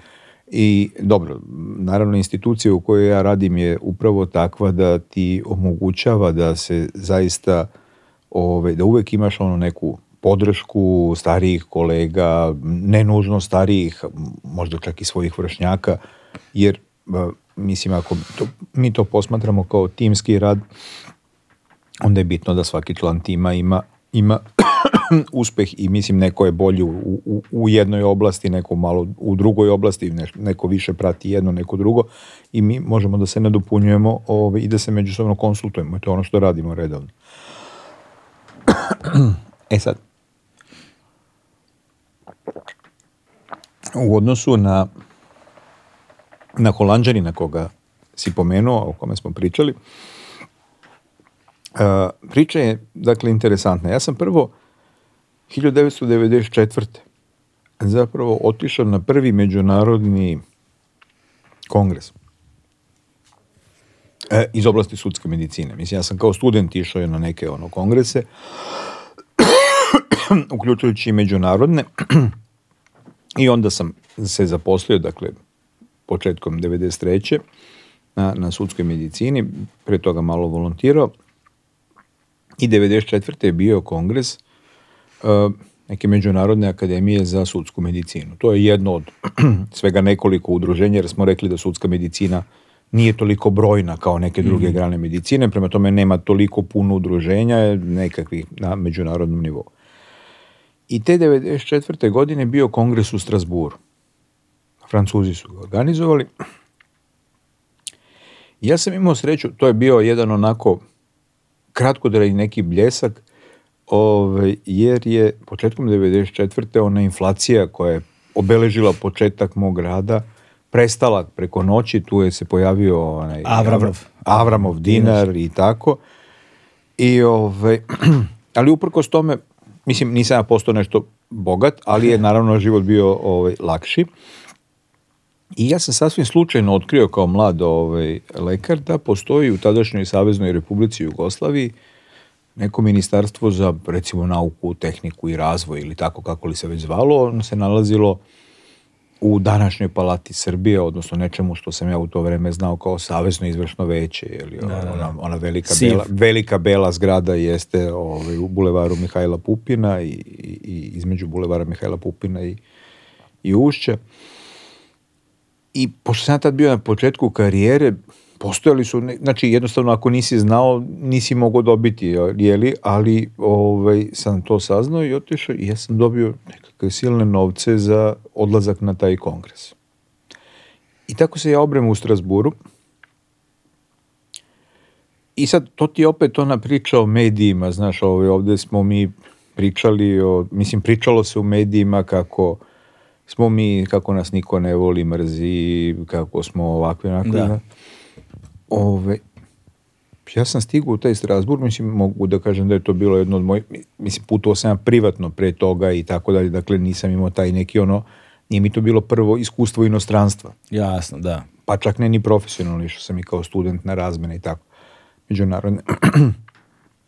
Ali ove, je bilo prvo u tom nekom a, mikrookruženju sudske medicine. Su mene sasvim lepo prihvatili. Znači, Pa onda jednostavno shvatiš, u stvari koliko je bitno da ljudi međusobno komuniciraju i da ne dozvoljavaju da im neko drugi servira i kaže šta treba da misli ili šta on misli o tome, nego jednostavno da to treba doživeti. I ja sam te 94. u Strasburu napravio već neke kontakte koji se kasnije provlače kroz moju karijeru do današnjeg dana sa nekakvim ljudima jeli, iz, iz tog sveta sudske medicine. A onda dolazi ta 98. Ove, I ja se dopisujem na nekoj mailing grupi, jer tad nije postojao web kao danas. To verovatno i sad mlađi, ali kao to je kao kameno doba. Ono. Da. Uprkos Pri, internetu. Da. Prilično, da. da, da, da. I e, u toj nekoj diskusijnoj grupi na koju se ja stavio neku svoju observaciju, neko pitanje, šta god, javlja se Barend, dakle, za koga ću kasnije utvrditi da je zapravo iz Holandije, I da je, Barent Cohen. Barent Cohen, da. I on je čovek koji je bio jevrej. Pričat ću nešto kasnije o njemu. Dakle, javlja se i kaže na to moje pitanje, ja ne znam ništa o tome, ali ovaj, tvoje prezime, da li ono iz Vojvodine? Mislim, tako započinje naš, i ja sad ono ko, čekaj, neko iz Holandije, mene pita i tako dalje. Ovaj, mi tu počinjemo da razmenjujemo, dakle to je bio asinhroni način komunikacije, ne kao ovo danas, jeli, nego ja napišem mail, onda posle toga on odgovori, to je bio onaj modem, ono zuji, cvrči da, da, i da. tako, razmeniš poruke. I ovaj, i mic po mic mi počinjemo da, da komuniciramo i ovaj... To se nekad zvalo pen pals. E. Da. I I, o... Bilo je pre interneta, su se pisma tako razmenjivale. Da, da, da. da, tako sam ja za Strasbourg pisao na pisaćoj mašini, pa nosio u poštu, pa, ono, da, pa onda čekao da stigne. Pa, da. pa da, sve, sve sam te prešao. prošao. Ovaj. Jedino nisam pisaljko, ono, to, je, to su mi baba i deda pričali, ali to nisam. Ovaj, da, da, da. I, i o, dakle, epilog te, tog kontakta je bio da smo se barem sreli negde početkom 98. u Rumuniji, u Temišvaru je bila ideja kao ajde da se ono vidimo uh, meni bilo komplikovano tada da idem, a i nisam imao novca, plus je bilo komplikovano zbog viza, da odem u, u, ovaj, u Holandiju. Ali on je bio visiting profesor u Temišvaru. Mm.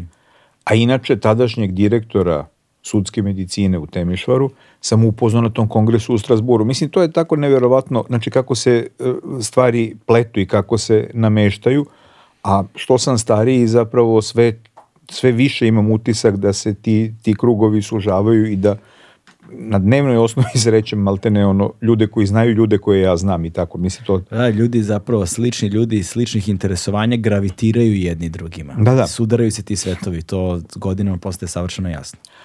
I tako sam se ja obrao u Temišvaru i ovaj, upoznao Barenda i ono što je zapravo interesantno a, jeste da je on, a, on je, kao što sam rekao, jevrej, dakle holandski židov koji je rođen bio 1942. godine u, u Indoneziji koja je tada bila holandska kolonija.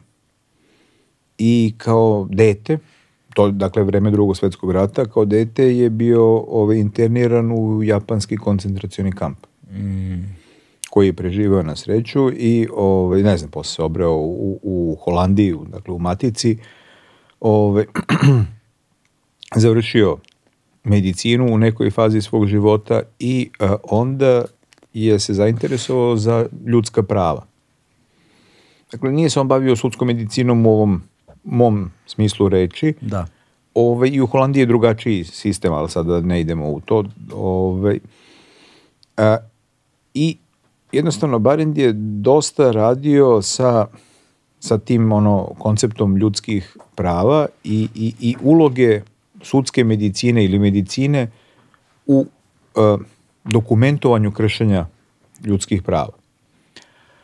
E, pa je tako bio i u Indoneziji, recimo dolazio je na Kosovo tada ovaj, i tu su zapravo iz tih naših nekih interakcija sam ja počeo da negde taj koncept ono ljudskih prava ovaj, eh, gledam drugim očima.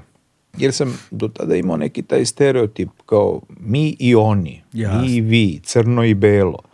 Znate, kao kad kaže, ne znam, desio se rat, na primer, u, u ovaj, e, Bosni, recimo, i Hercegovini, i sad kaže, ne znam, pripadnici jednog naroda, jedne etničke grupe kažu, ovaj, u koje uprt prsti njima se kaže vi ste učinili to i to, ne, neka vrsta ono, ratnih zločina, jeli? A oni kažu da, ali mi, oni su nama to učinili. Mislim, jednostavno, Znači mi pričamo o, ne, ne moramo tražiti nužno ovaj, objašnjenje, mislim, nego jednostavno moramo da poštujemo to što je nama neko učinio, ne znači da mi treba da to mm. uzvratimo. Mislim i, i dosta toga sam ja počeo da tako spoznajem iz tih ovaj, kontakata sa, da, o, sa Barendom. O problematici sveta binarnih opozicija. Jeste. Da. A, I onda je usledio relativno brzo jedan poziv, jer je zapravo ta priča o medicini, odnosno da, medicini ljudskim pravima znatno napredovala, pa evo rekli smo, mislim, govorili smo ovdje o Srbiji i nekoj istoriji od 150 godina, mislim, koja je neuporedivo kraća od, recimo, istorije Holandije u smislu razvoja društva, države, institucija i tako dalje. Pa samim tim možemo da očekujemo da je i tamo taj koncept ljudskih prava mnogo duže prisutan i na mnogo drugačiji način nego recimo na našim prostorima. Dakle, postojalo je jedno udruženje, postoji danas, Johannes Vir Foundation, uh, ove, i onda su me oni pozvali, Barend je bio tamo ono, aktivista i radio, pa su me pozvali na nekakav ovaj, sastanak koji se dešava u Indiji, pa sam mm. onda tako. I jednostavno tako je to krenulo, ta, ta mreža. Jednostavno, to je onaj snowball efekt, znači kad malo napraviš jednu grudvicu i zakotrljaš je, da, ona da, da, da. počinje polako da se, da se ovaj, uvećava, da se kotrlja i tako, mislim se, moja grudva kotrlja evo već ono dvadesetak i više godina u tom nekom međunarodnoj areni, u toj nekoj međunarodnoj areni.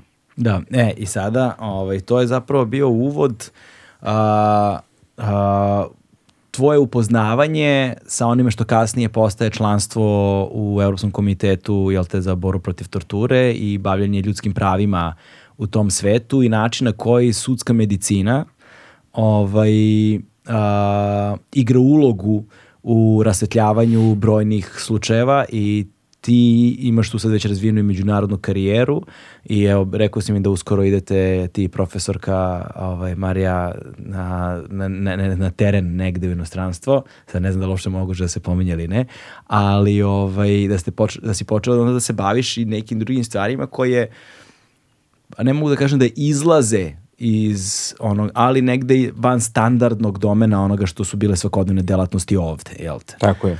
Ovaj, I tu sada otvaramo teme ovaj, o kojima bih voleo da pominjemo. Dakle, s jedne strane a, govorimo o pregledavanju ljudi koji su a, imali iskustvo logora, Mm -hmm. onda govorimo o, o torturi u smislu dakle razlika takozvane unutrašnje spoljašnje torture i sad svih tih aspekata kako se ona dokazuje, pokazuje koji su aspekti procedure i tehnike jel te, ovaj, rada.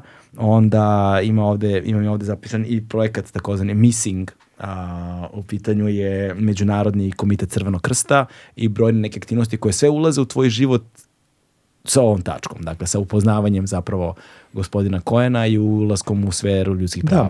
Da. Znaš. da. A, nekako uporedo sa, sa ovaj, tim kontaktom koji sam napravio sa Barendom i, i, i, i čitavim tim našim, ono, tom našom interakcijom koja je trajala sve do njegove smrti 2003. Nažalost, umro je ranije. E, meni su se nekako otvarala e, vrata i dolazili su tu neki ljudi iz, iz ovog sveta sudske medicine u kontakt sa mnom, odnosno ja sa njima. A, tako je recimo 98 e, Mm -hmm. A, znači, 98. sada već ono, krajem 98. i početkom 99. bukti sukob na Kosovu. Jasno, da. I e, tu se pojavljuje finski forenzički tim, koji je onako poznatiji, odnosno u našoj javnosti najpoznatiji po slučaju Račak na Kosovu. E, I ove, ovaj, I finski forenzički tim je došao na poziv vlasti tadašnje Savezne republike Jugoslavije. E, vođa tog tima je Helena Ranta, koleginica iz e, Helsinkija. Zapravo, Helena je po, po struci e, stomatolog, ali se bavi forenzičkom stomatologijom, dakle sudskom stomatologijom, o tome eventualno možemo pričati šta to znači. A, I ja tu upoznajem njih jer oni su došli u Beograd i odatle odlaze na Kosovo e, da bi radili to. Ja nisam bio uključen u to jer sam tada bio relativno mlađi, tu su bile moje tada starije kolege koje su radile u sastavu domaćeg tima koji je komplementarno radio sa ovaj, finskim timom. E, posle toga Uh, dve, uh, 2000, 2001. zapravo, na 2002. kad je došlo do, posle 5. oktobra, jeli do promena režima i tako, onda počinju da se otkrivaju te masovne grobnice, e, pominjala se ona masovna grobnica u Batajnici, ne znam, Petrovo selo i tako dalje, vezano za konflikt na Kosovu. I naš tim iz instituta, ja sam tada i dalje u nekoj srednjoj ono, generaciji, ali i dalje mlađi, naš tim uh, ovaj, uh, radi te masovne grobnice u Batenici. Dakle, mi smo dve sezone, ovaj, govorimo o sezonama, zato što uh, su to radovi koji zavise od atmosferskih prilika. Da, da, da, da. I ovaj, tako da ne možete raditi preko zime. U, mislim, jeste napolju na, na, na otvorenom. Dakle, mi smo te 2000 druge i 2003. na Batajnici vršili iskopavanje tih masovnih grobnica i ovaj, e, pregledi, identifikaciju žrtava, dakle radi se e, dominantno o, o kasnije je utvrđeno je li žrtvama e, kosovskim albancima koji su ovaj, stradali u tim sukobima i čija su tela bila doneta ovaj, i sahranjena na na tom prostoru u Batajnici. A, e, u to vreme su tu prisutne razne međunarodne organizacije, uključujući i Međunarodni komitet Crvenog krsta, koji se u sličnim okolnostima angažuju i na drugim, ovaj, u, u drugim delovima sveta. E, I tu je počeo neki kontakt sa Međunarodnim komitetom Crvenog krsta, moj, dakle, dodatni u odnosu na onaj uh, nužno, nužno ovaj, profesionalni vezan za, za sam rad na terenu. I uh, rezultat tog kontakta je bio što me Međunarodni crveni krst koji je zapravo uh, 2003. recimo organizovao tu jednu veliku, veliki projekat Missing, dakle o nestalim ljudima, ljudima koji su nestali u oružanim sukobima, motivi za to su bili ne samo prostori bivše Jugoslavije, ovde su se govori o hiljadama nestalih, tada mnogo više, do sad je rasvetljena sudbina jednog broja, ali i dalje mm -hmm. ove, ne svih nestalih i to nije ni realno očekivati, nažalost, jer tako pokazuje da, ono da. iskustvo iz istorije. Ali tih konflikata je postojalo, tada je već postojao Irak, e, ne znam, e, neke druge, neke druge ove zemlje i tako dalje. I e, Međunarodni komitet je napravio taj, taj, ovaj, tu konferenciju sa željom da okupi eksperte e, i da, da ovaj, pokuša da na neki univerzalni način e, reši to pitanje, odnosno procedura traženja prava porodica nestalih obaveza država, da se, odnosno da vlasti. Se, da se sistematizuje stvar. Tako je. Odnosno da se napravi, kako bi ne, nekad srpski jezik nije dovoljno ono savršen za to, ali recimo neki framework, što bi rekli ove Englezi, u kome okvir, bi to da, neki, da... Neki pravni okvir. Jeste. I ovaj, pored ljudi, ja svakako nisam spadao u, u, u, u tom momentu nekoga, u neku tu grupu istaknutih nekih naučnih radnika u oblasti, u relevantnoj oblasti, uh, ali sam spadao u grupu ljudi koji su imali praktična iskustva i Međunarodni komitet Crvenog krsta je zapravo uh, kombinovao i ono kao te ljude sa akademskim i istraživačkim ovaj, e, referencama sa onima koji su imali praktična iskustva. I tako sam se ja obreo u tom, u tom projektu Missing u Ženevi i, ovaj, i to je bilo jako, jako interesantno iskustvo, ali opet je to omogućilo da se ona moja, ona moja grudvica uveća i da se da. zalepi za nju još ovaj, neka pahulja. I, pa sam upoznao recimo kolege iz, uh, iz Australije. Da. Uh, eh, izuzetnog eh, čoveka, profesor uh, Steven Korner. On je bio tada mm, direktor instituta za sudsku medicinu u Viktorije. Dakle, to je jedna od saveznih država Australije, sa glavnim gradom Melbourneom. I Steven i njegov tim su bili veoma aktivni međunarodno. E, Steven je penzionisan i on je bio i naš gost u Beogradu, kasnije dolazio u naš institut i tako. I, ovaj, I onda u nekom momentu se pojavila, ja sam pratio taj institut u Melbourneu, i ovaj, pojavila se neka, neka stipendija ovaj, za postdiplomske studije u Melbourneu.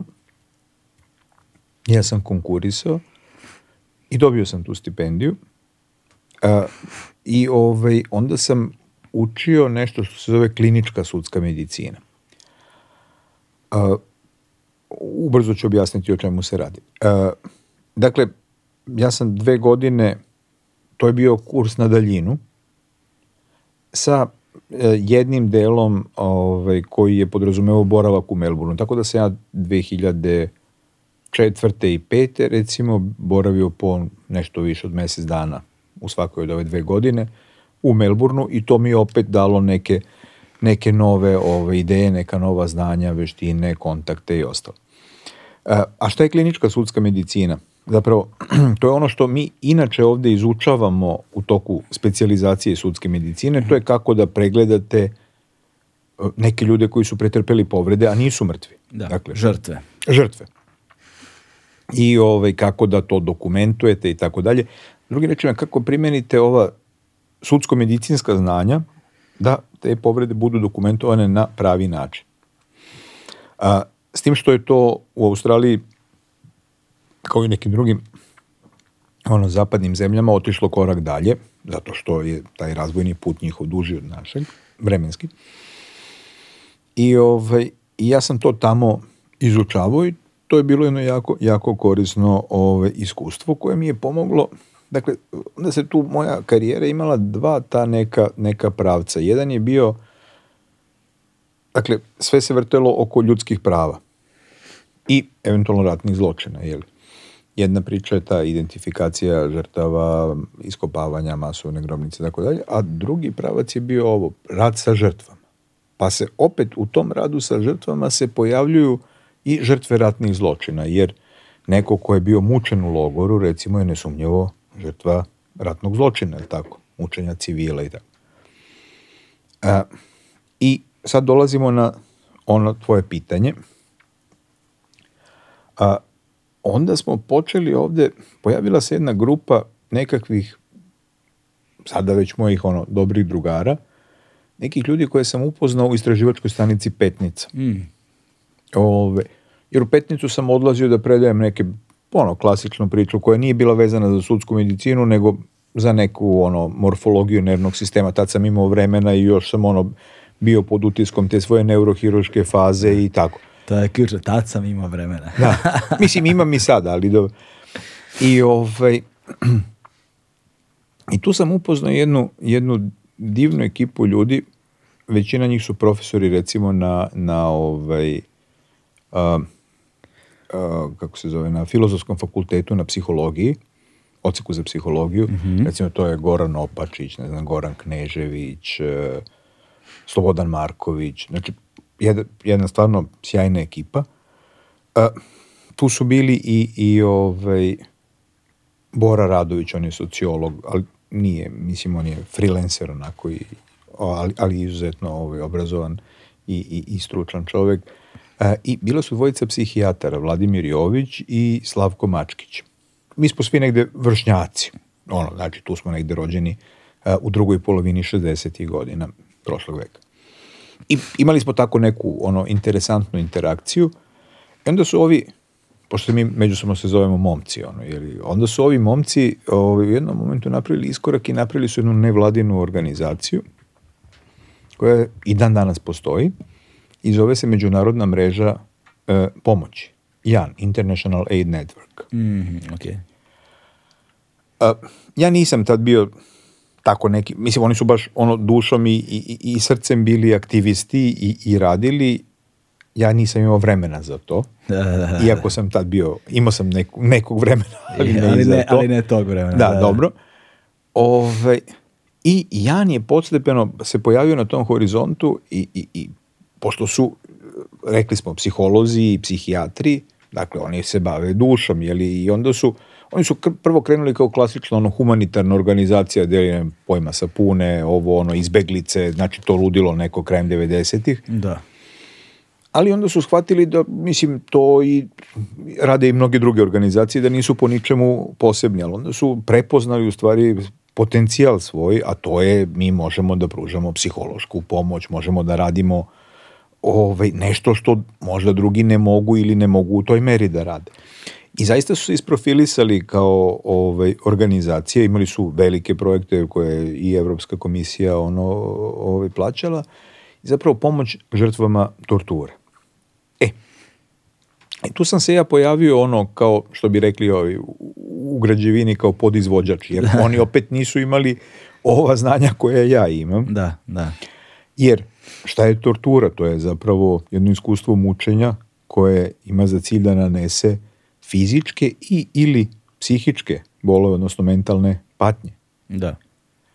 Prema tome, oni su mogli da pokriju ovaj deo e, mentalnih posledica, odnosno posledica po mentalno zdravlje.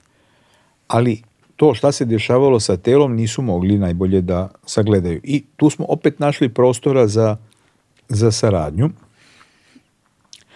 jer su, e, jer je JAN, Međunarodna mreža, pravn, e, Međunarodna mreža pomoći, je zapravo otvorila centar za žrtve torture koji su dolazili, dakle to su ljudi e, uglavnom ovaj, dakle, ljudi koji su pripadali srpskom etničkom korpusu, mm-hmm. koji su bili za vreme ratova zatočeni u, u, u nekim logorima na prostorima Bosne i Hercegovine i Hrvatske ne bih želeo da, da stvorim samo zabunu kod onoga ko gleda ovo. Dakle, oni nisu bili jedine žrtve. Postojali su i logori u kojima su bili zatočeni i ljudi koji su pripadnici drugih etničkih grupa, ove koji su bile uključene u te konflikte, ali prosto zato što te žrtve nisu pripadale srpskom etničkom korpusu, one po oslobađanju nisu prirodno dolazile ovde. Jasno. Dakle, nismo imali priliku da ih vidimo, ali to ne znači da te žrtve nisu postojale, da budemo jasni. Jasno, da. Uh, I ovaj, i mi smo gledali ljude dakle, koji su imali iskustva prisilne mobilizacije koje su sprovodile neke paravojne formacije ovde sa nekim centrima u, u, u ove, ovaj, privremeno okupiranim teritorijama u Slavoniji poput Erduta i slično. Uh, pa su vođeni i, i, i tamo su drilovani i tako dalje, pripremani kao izdajnici i vraćani na neke zamišljene linije fronta. Imali smo neke druge ljude koji su bili, kažem, u, u, u ono ozloglašenim raznoraznim ovaj, logorima i koji su nama, s kojima smo mi radili. A šta je bila suština? Suština je bila da se dokumentuje njihovo iskustvo, odnosno da se dokumentuju posledice koje oni eventualno imaju, ali kad kažem eventualno, praktično svako ima neku posledicu. Ne možemo govoriti o eventualnim, nego zaista o posledicama. A, I naravno ono što je još Jan radio pri tome, da im se pruži psihološka podrška, pomoć i tako dalje. Dakle, taj neki terapijski aspekt u koji ja svakako nisam bio uključen. A, mi smo tu koristili kao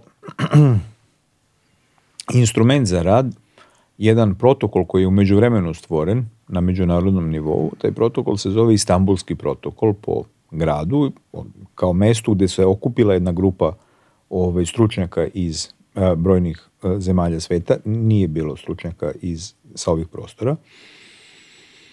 A, e, I taj protokol je formiran 1999. godine. A, e, ove, ovaj, usvojili su ga, usvojili su ga e, Ujedinjene nacije. Uh, kao protokol za dokumentovanje, zapravo za pregled žrtava torture. Mm-hmm. je prosto na jedan ono jedinstveni način objašnjeno kako sve treba, šta treba prikupiti, koje vrste pregleda uraditi, koje su vrste mučenja i tako dalje. Dakle, sve ono što je potrebno za neku vrstu efektivne, efektivne istrage. I mi smo zapravo implementirali taj istambulski protokol u radu sa, sa ovim žrtvama. Uh, torture. Dakle, tu smo videli veliki broj, tu sam ja učestvovao u pregledu velikog broja ljudi. Mi smo razvili jedan, jedan ovaj, upitnik koji je služio za trijažu, pa bi svi ti ljudi koji da. dođu popunjavali kao neku self-check listu.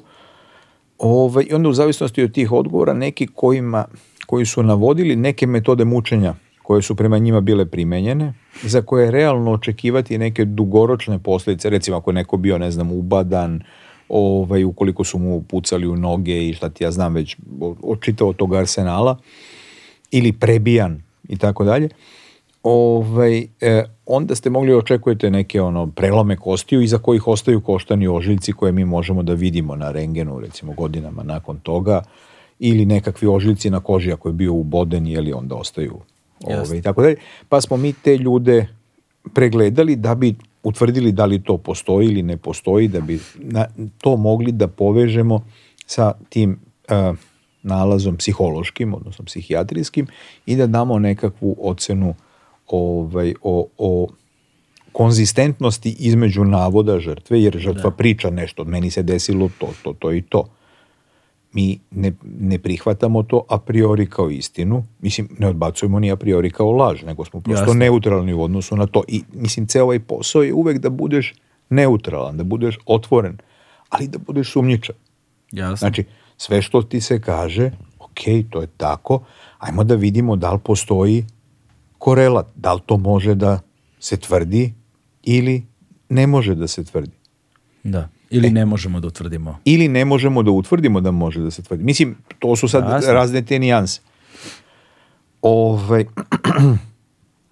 I onda sam kroz rad sa, sa ovaj, Janom, a i pre toga sam imao već neke kontakte, e, ove, ovaj, jer Jan je, kao što sam rekao, imao centar za, za žrtve torture i e, bio je uključen u rad jedne globalnije organizacije koja je kao kišobran organizacija pa okuplja u sebe mnoge centre, znači centre iz mnogih zemalja poput Jana, a ta organizacija se zove Međunarodni savet za rehabilitaciju žrtava torture. Znači IRCT i njihovo sedište je u Kopenhagenu, u Danskoj. I onda sam tu opet došao u kontakt sa tom organizacijom Pa smo onda kao recimo ljudi koji su primenjivali taj istambulski protokol, počeli da držimo predavanja o istambulskom protokolu u nekim zemljama, tako sam išao, ne znam, u Kazahstan, e, tamo, ovamo i tako dalje. E, Gruziju. I postepeno sam počeo da ulazim u tu priču torture. Dakle, ovde isprva bila zapravo priča o torturi u, u, u ovaj, uslovima oružanih sukoba. Da. Mada istini za volju, sa torturom sam se sreo i ovde e, negde pred kraj, pred kraj ovaj, e, on, onog režima na čijem čelu se nalazio Slobodan Milošević. znači, to su one periodi demonstracija e, masovnih e, i tako dalje. I tu je bilo policijske brutalnosti prema demonstrantima i tako dalje. Sećam se iz toga, je bila izreka, važila je policija, prvo bije pa traži ličnu kartu. To je ono... Mm. Da, i u to vreme ove, u to vreme se uh, uh, recimo postojali su ono nevladine organizacije koje su se bavile zaštitom ljudskih prava, jedna među njima koji danas postoji je JUKOM. S tim što se tada, da, danas se koristi samo taj akronim, a tad se zvao Jugoslovenski komitet pravnika za ljudska prava, pa je to JUKOM skraćenica. Pošto je među vremena prestala postoji Jugoslavija, znači mislim da su oni sad skratili svoje ime i da se i dalje zovu JUKOM, ali ne kao akronim, nego je da, da je to naziv, ali da, to da, je... Da, da. Uh, tada je tu organizaciju vodila Biljana Kovačević Vučo, pokojna. I, ovaj, i sad a, moja a, već dugo godina bivša supruga je radila sa Biljaninom sestrom. Mm -hmm. Tako sam došao u kontakt sa Biljanom. Jer ja sam teo, eto, kao, ja sad imam neka znanja, hajde kao da pomognemo nešto, da se to uradi, eto, kao da, da, da mi to nešto dokumentujemo. I tako sam se ja obreo u Jukomu i tu sam već imao prilike da, da gledam neke e, žrtve iz, sa beogradskih demonstracija i, i, i iz nekih drugih ovaj, krajeva Srbije. Tako da sve to polako nekako se sužavalo, sužavalo i vodilo me ka, ka, jednom, ovaj, ka jednom putu. A, I onda zapravo kruna celog tog nekog ovaj, postupka – i odnosno tog, tog puta razvojnog uvećavanja te grudve bilo je to da sam bio predložen da, e, ove, ovaj, da postanem član e, komiteta za prevenciju torture e, koji si ti pomenuo. Jasno. Dakle, Savet Evrope, do skoro imamo 47 zemalja članica, sad ima 46 odlaskom Ruske federacije, svaka država članica ima jednu stolicu u tom komitetu predstavnici države nisu predstavnici vlasti, tako je komitet ovaj, koncipiran, dakle to treba budu nezavisni eksperti, čak ako, ako je član postane recimo dobije neku funkciju u vlastima države iz koje dolazi, ona je nespojiva sa članstvom u komitetu. Jasno. I te godine kad sam ja ovaj, bio nominovan uh, za, za člana, uh, uvek, uvek je tri, ono, troje ljudi na tom ovaj na toj listi tamo neki sa, komitet ministara to ovaj bira i tako dalje ja sam dakle a, ovaj postao član komiteta posle toga sam dva puta i reizabran jer toliko je to, to je ovaj mogućnost mandat da znači jedan član može biti biran jednom i ponovno biran dva puta i to je sve tri to mandata nek... ukupno. Da tako kažem. je, to je nešto što neko može u toku svog života. Ja bi sad mogao, ako bi recimo dobio državljanstvo neke druge države, Ponovo, da. članice Saveta Evrope, ovaj, da me ta druga država, moja nova domovina, otačbina, odnosno domovina, da me, da me eventualno predloži, znači ja bi mogao da budem ponovo biran nezavisno od ovoga. Jasne. Ali mene više Republika Srbija ne može, ne me, mislim to, to je prosto princip jasne, jasne. i mislim da je to jako, jako dobro jer ove, ovaj, a neke države čak imaju i princip da nikada ne predlažu za reizbor novog a, odnosno starog člana. Starog člana, znači. Upravo da bi zapravo veći broj svojih ljudi ubacili u međunarodne organizacije. Tako, mislim, to su sad različiti koncepti i izlazi iz okvira ove, ove priče. A, i, e, I onda, a, e, dolaskom u Savjet Evrope, dolaskom u Strasbur, dakle opet se vraćam u Strasbur. Da, Tako, da, pun krug se pravi život. Da, da, 94. ali sad je 2011. sam izabran za komitet, a 2012. sam stupio na dužnost, dakle otišao na prvi svoj sastanak tamo. Mislim, odmah da razjasnim, ja nisam sedeo 10 godina u Strasburu, ja sam sve vreme radio posao ovde u Beogradu, a kao član komiteta odlazio tri puta godišnje na sastanke koji traju po nedelju dana. Da, da. da. To je i dan danas takva praksa i Nikola to isto radi. Uh, pored tih sastanaka koji su fiksna obaveza, članovi komiteta učestvuju u radu delegacije, jer komitet šalje svoje delegacije u ove zemlje članice i te delegacije odlaze u posete zatvorima, policijskim stanicama, psihijatrijskim bolnicama, dakle svim onim mestima gde se nalazi neko ko je lišen slobode. Zašto? Zato što su ta mesta zapravo mesta gde ljudi ulaze u najveći rizik da budu mučeni. Mm. I članovi komiteta svojim posetama i nekom metodologijom koja je tu razrađena e, proveravaju u kojoj meri su efektivni ti mehanizmi koje su sve države su se obavezale pristupajući konvenciji da će da uspostave efektivne mehanizme za sprečavanje mučenja. Mm. Ali isto tako i mehanizme da ukoliko je do mučenja došlo, da se sprovede efektivna istraga i da se ovaj, počinioci toga uh, identifikuju i kazne. Dakle, mi proveravamo s jedne strane koliko je efektivna preventiva i s druge strane u kojoj meri postoji nekažnjivost.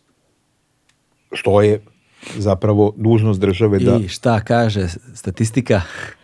Pa statistike nisu ružičaste, da, da pa, definitivno. Pa pretpostavljam, zato i da. pitam, da. Znaš, to je...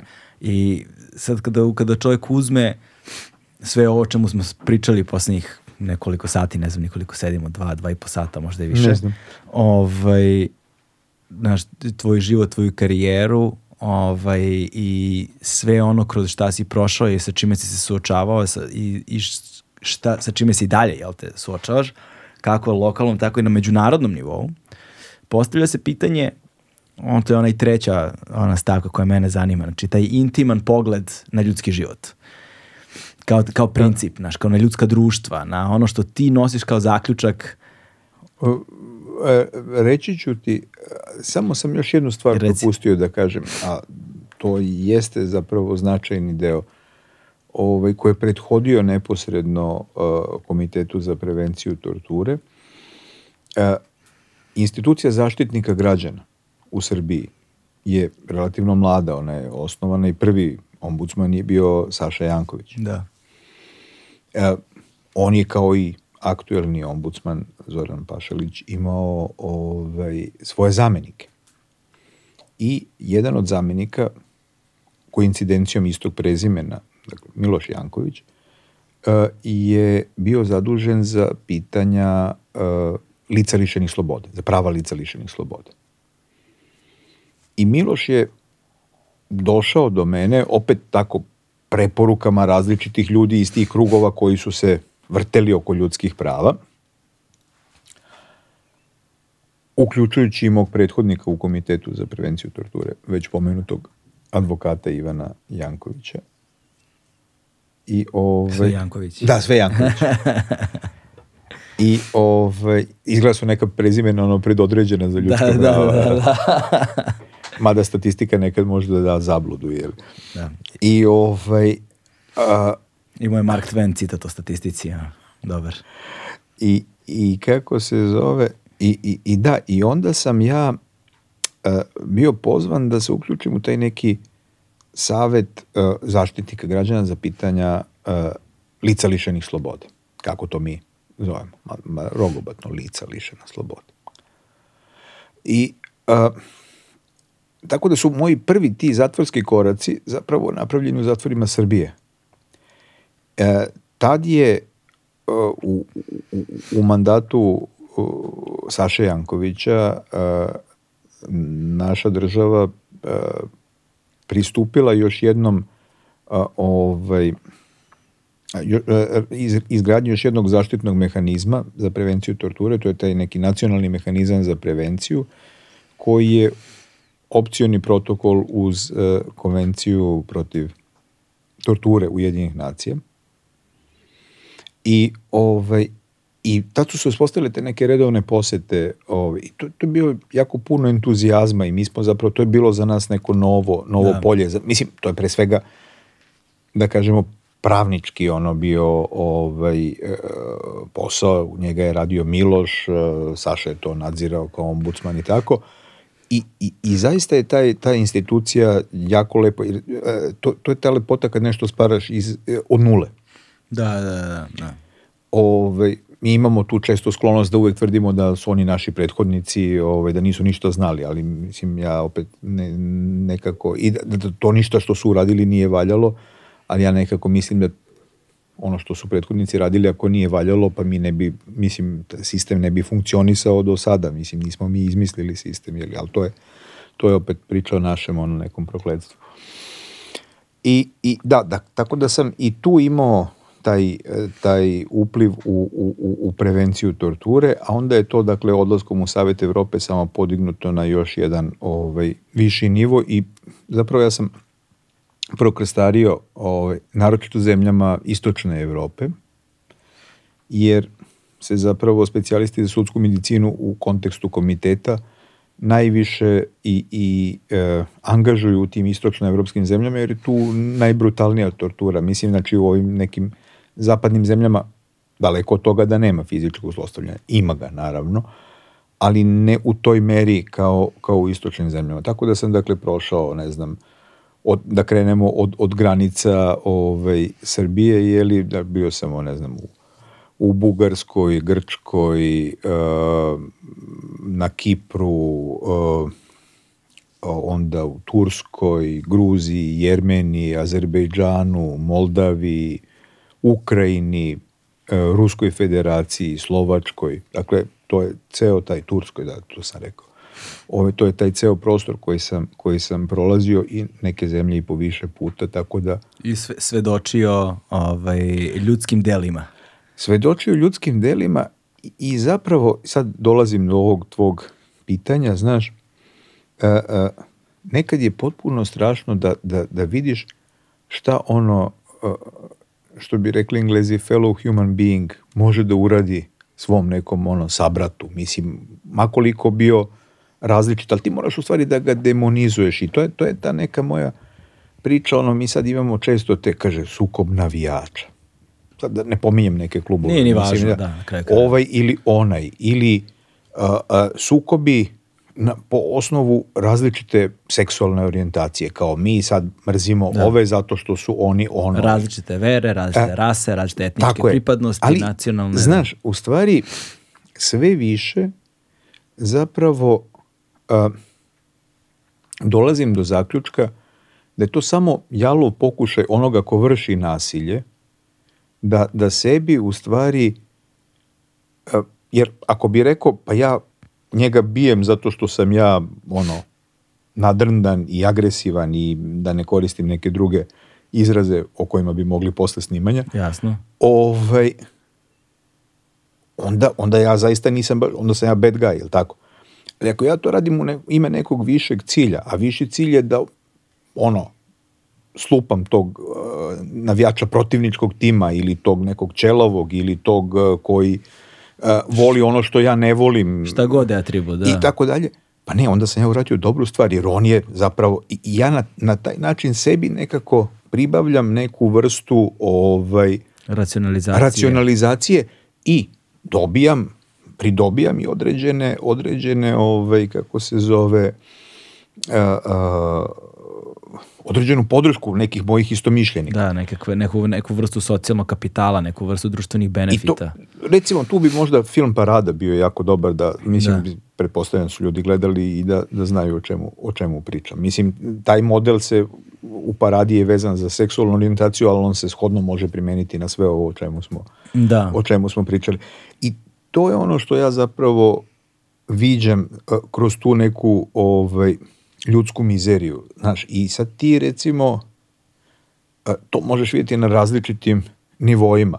Znači, kad odeš u neki zatvor, znači, jer zatvor ti, znaš, e, ako, ako posmatramo naše društvo kao neki brod, ne nužno kao Titanik, ali brod, veliki, da. kruzer neki, ti imaš ono kao oni koji plate najviše, oni su negde na, na vrhu, imaju divnu ono, kabinu, imaju čak i terasu, imaju da, one, bazen, ovo, ono. Oni koji umereno da. plate imaju isto krov nad glavom, oni koji manje plate ovaj, su potpalublje negde. Tako je. E, zatvori potpalublje nekog društva.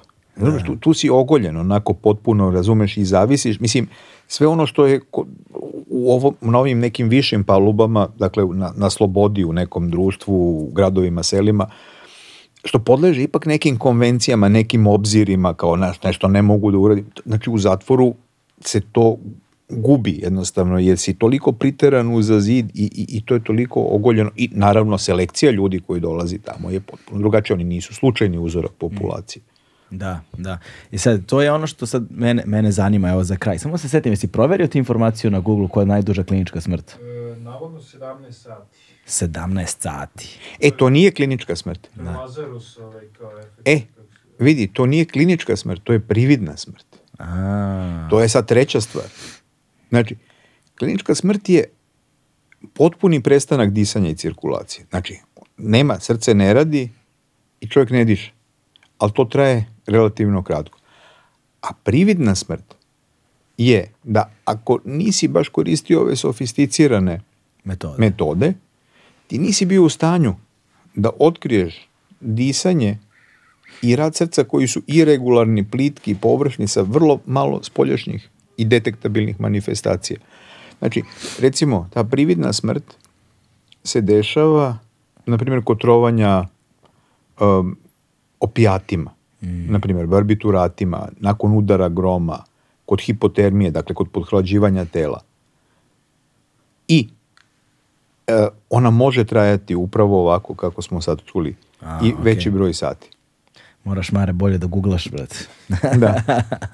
ovaj, sad, za kraj me to najviše zapravo i zanima, kao nekakav, kao nekakav zaključak koji možemo da izvedemo iz celokupnog ovog razgovora, to je, znači kako neko poput tebe, znaš, ko, ko stoji tu gde stoji, sa tom, sa, sa tom tačkom pogleda na stvarnost, sa tom tačkom pogleda na ljudski život, na ljudska društva, na, na, na, na, na ljudski uspeh i na ljudsku patnju. Ne.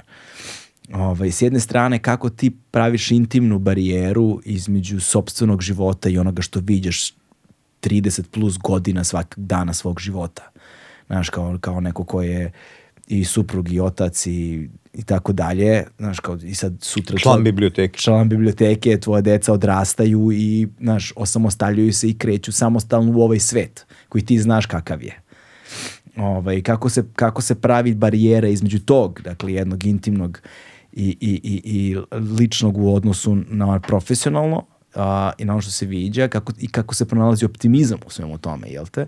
S druge strane, znaš, kada vidiš da su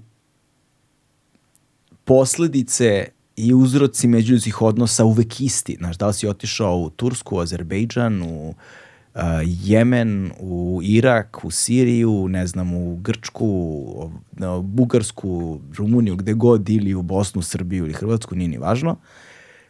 Svi imaju svoje razloge, svi imaju svoje izgovore, svi imaju svoje nešto, ali ti zapravo vidiš da je sve to forma ispod koje je suština ista ovaj, kakav zaključak donosiš u svetu i gde pronalaziš o, on optimizam za ljudsku rasu? Pa vidi, mislim, valjda je, mislim, ja nekako poimam da je osnovno da imamo neku nadu u, u nešto, u da. neku bolju budućnost, jer da nije tako, mislim, svi bi onog momenta kad spoznamo da moramo da umremo, mislim, svi bi izvršili jeli, samoubistvo, jer što bi živeli, mislim, ako treba da, ono, da. mislim, možemo i tako da posmatramo uh, stvari. A, ja lično mislim da je zapravo sve, posle, e, sve vezano za neki razvoj ljudskog društva. Mi smo sada, recimo, neke, neke stvari ono, preveniramo, sankcionišemo nešto što je možda bilo nekada normalno, pa zimao si nekada ritual da decu žrtvuješ za ime višeg ciljeva, ono ritualna žrtvovanja i tako dalje. Danas to u savremenom ljudskom društvu nije slučaj. Mislim, i čak je zabranjeno da decu, ne znam, eksplatišeš i tako dalje i tako dalje. Ove, dakle, postoje neki pomaci, ali mislim da je agresija je nekako ne, neodvojiva od, od ljudske prirode. Samo je pitanje kako to ono kanalisati, kako to uraditi i mislim da tu sudska medicina ima neki svoj potencijalni doprinos. Dakle, da mi možemo da pomognemo da se prosto stvari razumeju, da se neki pojavni oblici razumeju, da, da pomognemo da se neki ljudi koji su nešto učinili loše, da se procesuiraju, da se pošalje jasna poruka ovaj, o neprihvatljivosti nasilja. Mm. A, ja bi ti to ispričao recimo kroz jedan primer koji često ponavljam na, na tim svojim nekim predavanjima, a, u, u okviru ovog rada kliničke sudske medicine sam bio ovako smo, šta se dešavalo? To je bilo negde možda 2001. 2. 3. A, tad još nije bilo porodično nasilje, odnosno nasilje u porodici nije bilo u krivičnom zakonu. Dakle, nije postojalo kao krivično delo aj sad da banalizujemo, znači ono kad muž izmlati ženu, jeli, ona je, na primjer, imala neke povrede koje su, i on je mogao da odgovara ili za nanošenje lakih telesnih povreda ili za nanošenje teških telesnih povreda, u zavisnosti kakve su te povrede bile, kako su bile ocenjene, koje su bile. I bila je jedna situacija, dakle, to nanošenje lakih telesnih povreda se i tada kao i sada ove, ovaj, nije gonilo po javnoj tužbi, nego po privatnoj mm-hmm. tužbi. Dakle, to je stavljalo tu žrtvu porodičnog nasilja u jedan jako, jako ono, težak, e, podređeni položaj. A, e, žena o kojoj ću ti pričati sada je zapravo došla kod nas tako što su nas zamolili neki ono ljudi iz policije e, ovaj, da bi ona došla, da bude pregledana, da ima za svaki slučaj neko lekarsko uverenje, pošto se enti put ponovilo to nasilje, Dakle, radio se o ženi koja je tu stanovala u blizini ovog mesta gdje mi danas snimamo, dakle, tu u blizini Skupštine, Čašmajdanskog mm, parka i tako u centru Beograda. Ona je imala muža i sina. Sina od 3 do 4 godine u to vreme. A, I ovaj, taj muž je radio nešto od kuće, ali to je znatno pre covid dakle, ali radio ono što bi rekli imaju neke kombinacije, jeli? I povremeno je mlatio tu svoju ženu ali onda kad bi izmlatio, onda ne bi izlazio iz kuće, da ona ne bi otišla od kuće i da njoj neko ne bi došao, dok te modrice ne bi izbledele. Ona je znala da on nekog dana neće biti u kući jer je morao da ide uprkos tome što je prethodno izmlatio i onda je ona preko te neke veze iz policije zatražila da bude pregledana kod nas baš tog dana da joj mi izađemo u susret što nije bilo razloga da ne uradi. E, Pošto je ostao taj mali sin od tri i po godine, ona je morala i njega da povede sa sobom. I onda je povela neku svoju prijateljicu, koja je očigledno dolazila u kuću i koja je znala celu tu priču i koju je dete znalo pa imalo neku dozu poverenja prema njoj. I takle su, tako su njih dve i njen sin došli, dakle njih troje su došli kod nas u institut tog nekog dana u neko dogovoreno vreme i sad smo koleginice i ja smo pregledali tog E, tu, tu ženu koja je i dalje imala neke modrice po telu, ona je bila kod mene u kancelariji, a prijateljica je tog malog zabavljala po hodnicima instituta ono. Ali u, u, u kratkom vremenu nakon što se dete odvojilo od majke, da bi mi nju pregledali, taj mali je ono neodoljivo imao potrebu da vidi svoju majku mm. i mhm. ova prijateljica nije mogla više da ga zadrži da ga hendluje negde u institutu. Malecki je utrčao u kancelariju, dakle govorimo o detetu od tri godine, dakle to je ova visina, ovaj uzrast. On ulazi i takvim rečima psuje svoju majku. Dakle, ali govori ono najprizemniji neki jezik koji ne očekuješ od bilo koga, posebno ne od deteta od tri godine, i ovako ručicama udara majku koliko joj dopre do leđa. On je ljut na majku. I šta ti u stvari vidiš tu? Ti vidiš uh, repliku tate. Mm. Ti vidiš uh, način na koji on uči da komunicira. Jer je to način u kući. Ako se u srpskoj porodici, ako se dete koje je rođeno u srpskoj porodici, od srpskih roditelja, da. da na staranje recimo kineskoj porodici koja ne govori srpski jezik no kineski ono će progovoriti kineski neće srpski jasno jasno jasno da Ove, ovaj, i šta hoću da ti kažem ovim primjerom zapravo i taj mali, pošto je to bilo 2003. On sad ima 20 godina. Ja pretpostavljam da on sada šamara neku svoju partnerku, mislim ne sad dok pričamo, ali ovih dana. Ili je možda već ošamario neku svoju partnerku zato što ga je ona naljutila ili za Boga nije došla kad je trebalo i tako dalje. I zapravo postoji jedino nada da ćemo mi kao društvo, dakle ne srpsko društvo, nego ljudsko društvo, mislim generalno, a mi kao deo te zajednice, e, tim nekim ono kontinuiranim radom, eventualno nekada u budućnosti, koju ja svakako neću doživjeti, ovaj, e, smanjiti e, količinu nasilja koja, koja postoji. Ovaj, ali jednostavno moramo biti predati tome, predani tome i verovati u to. Da ćemo ga iskoreniti, ne verujem.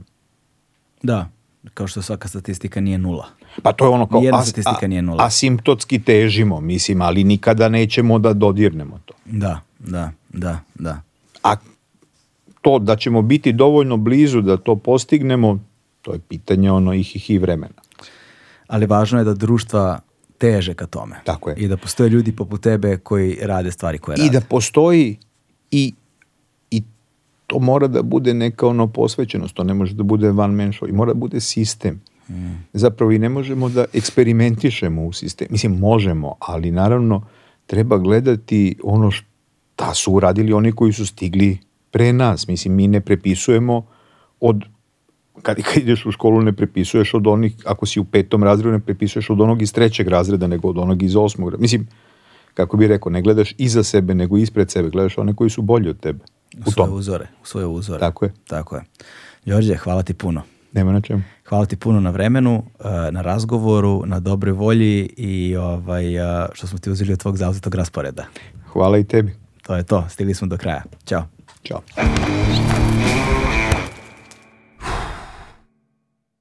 Hmm.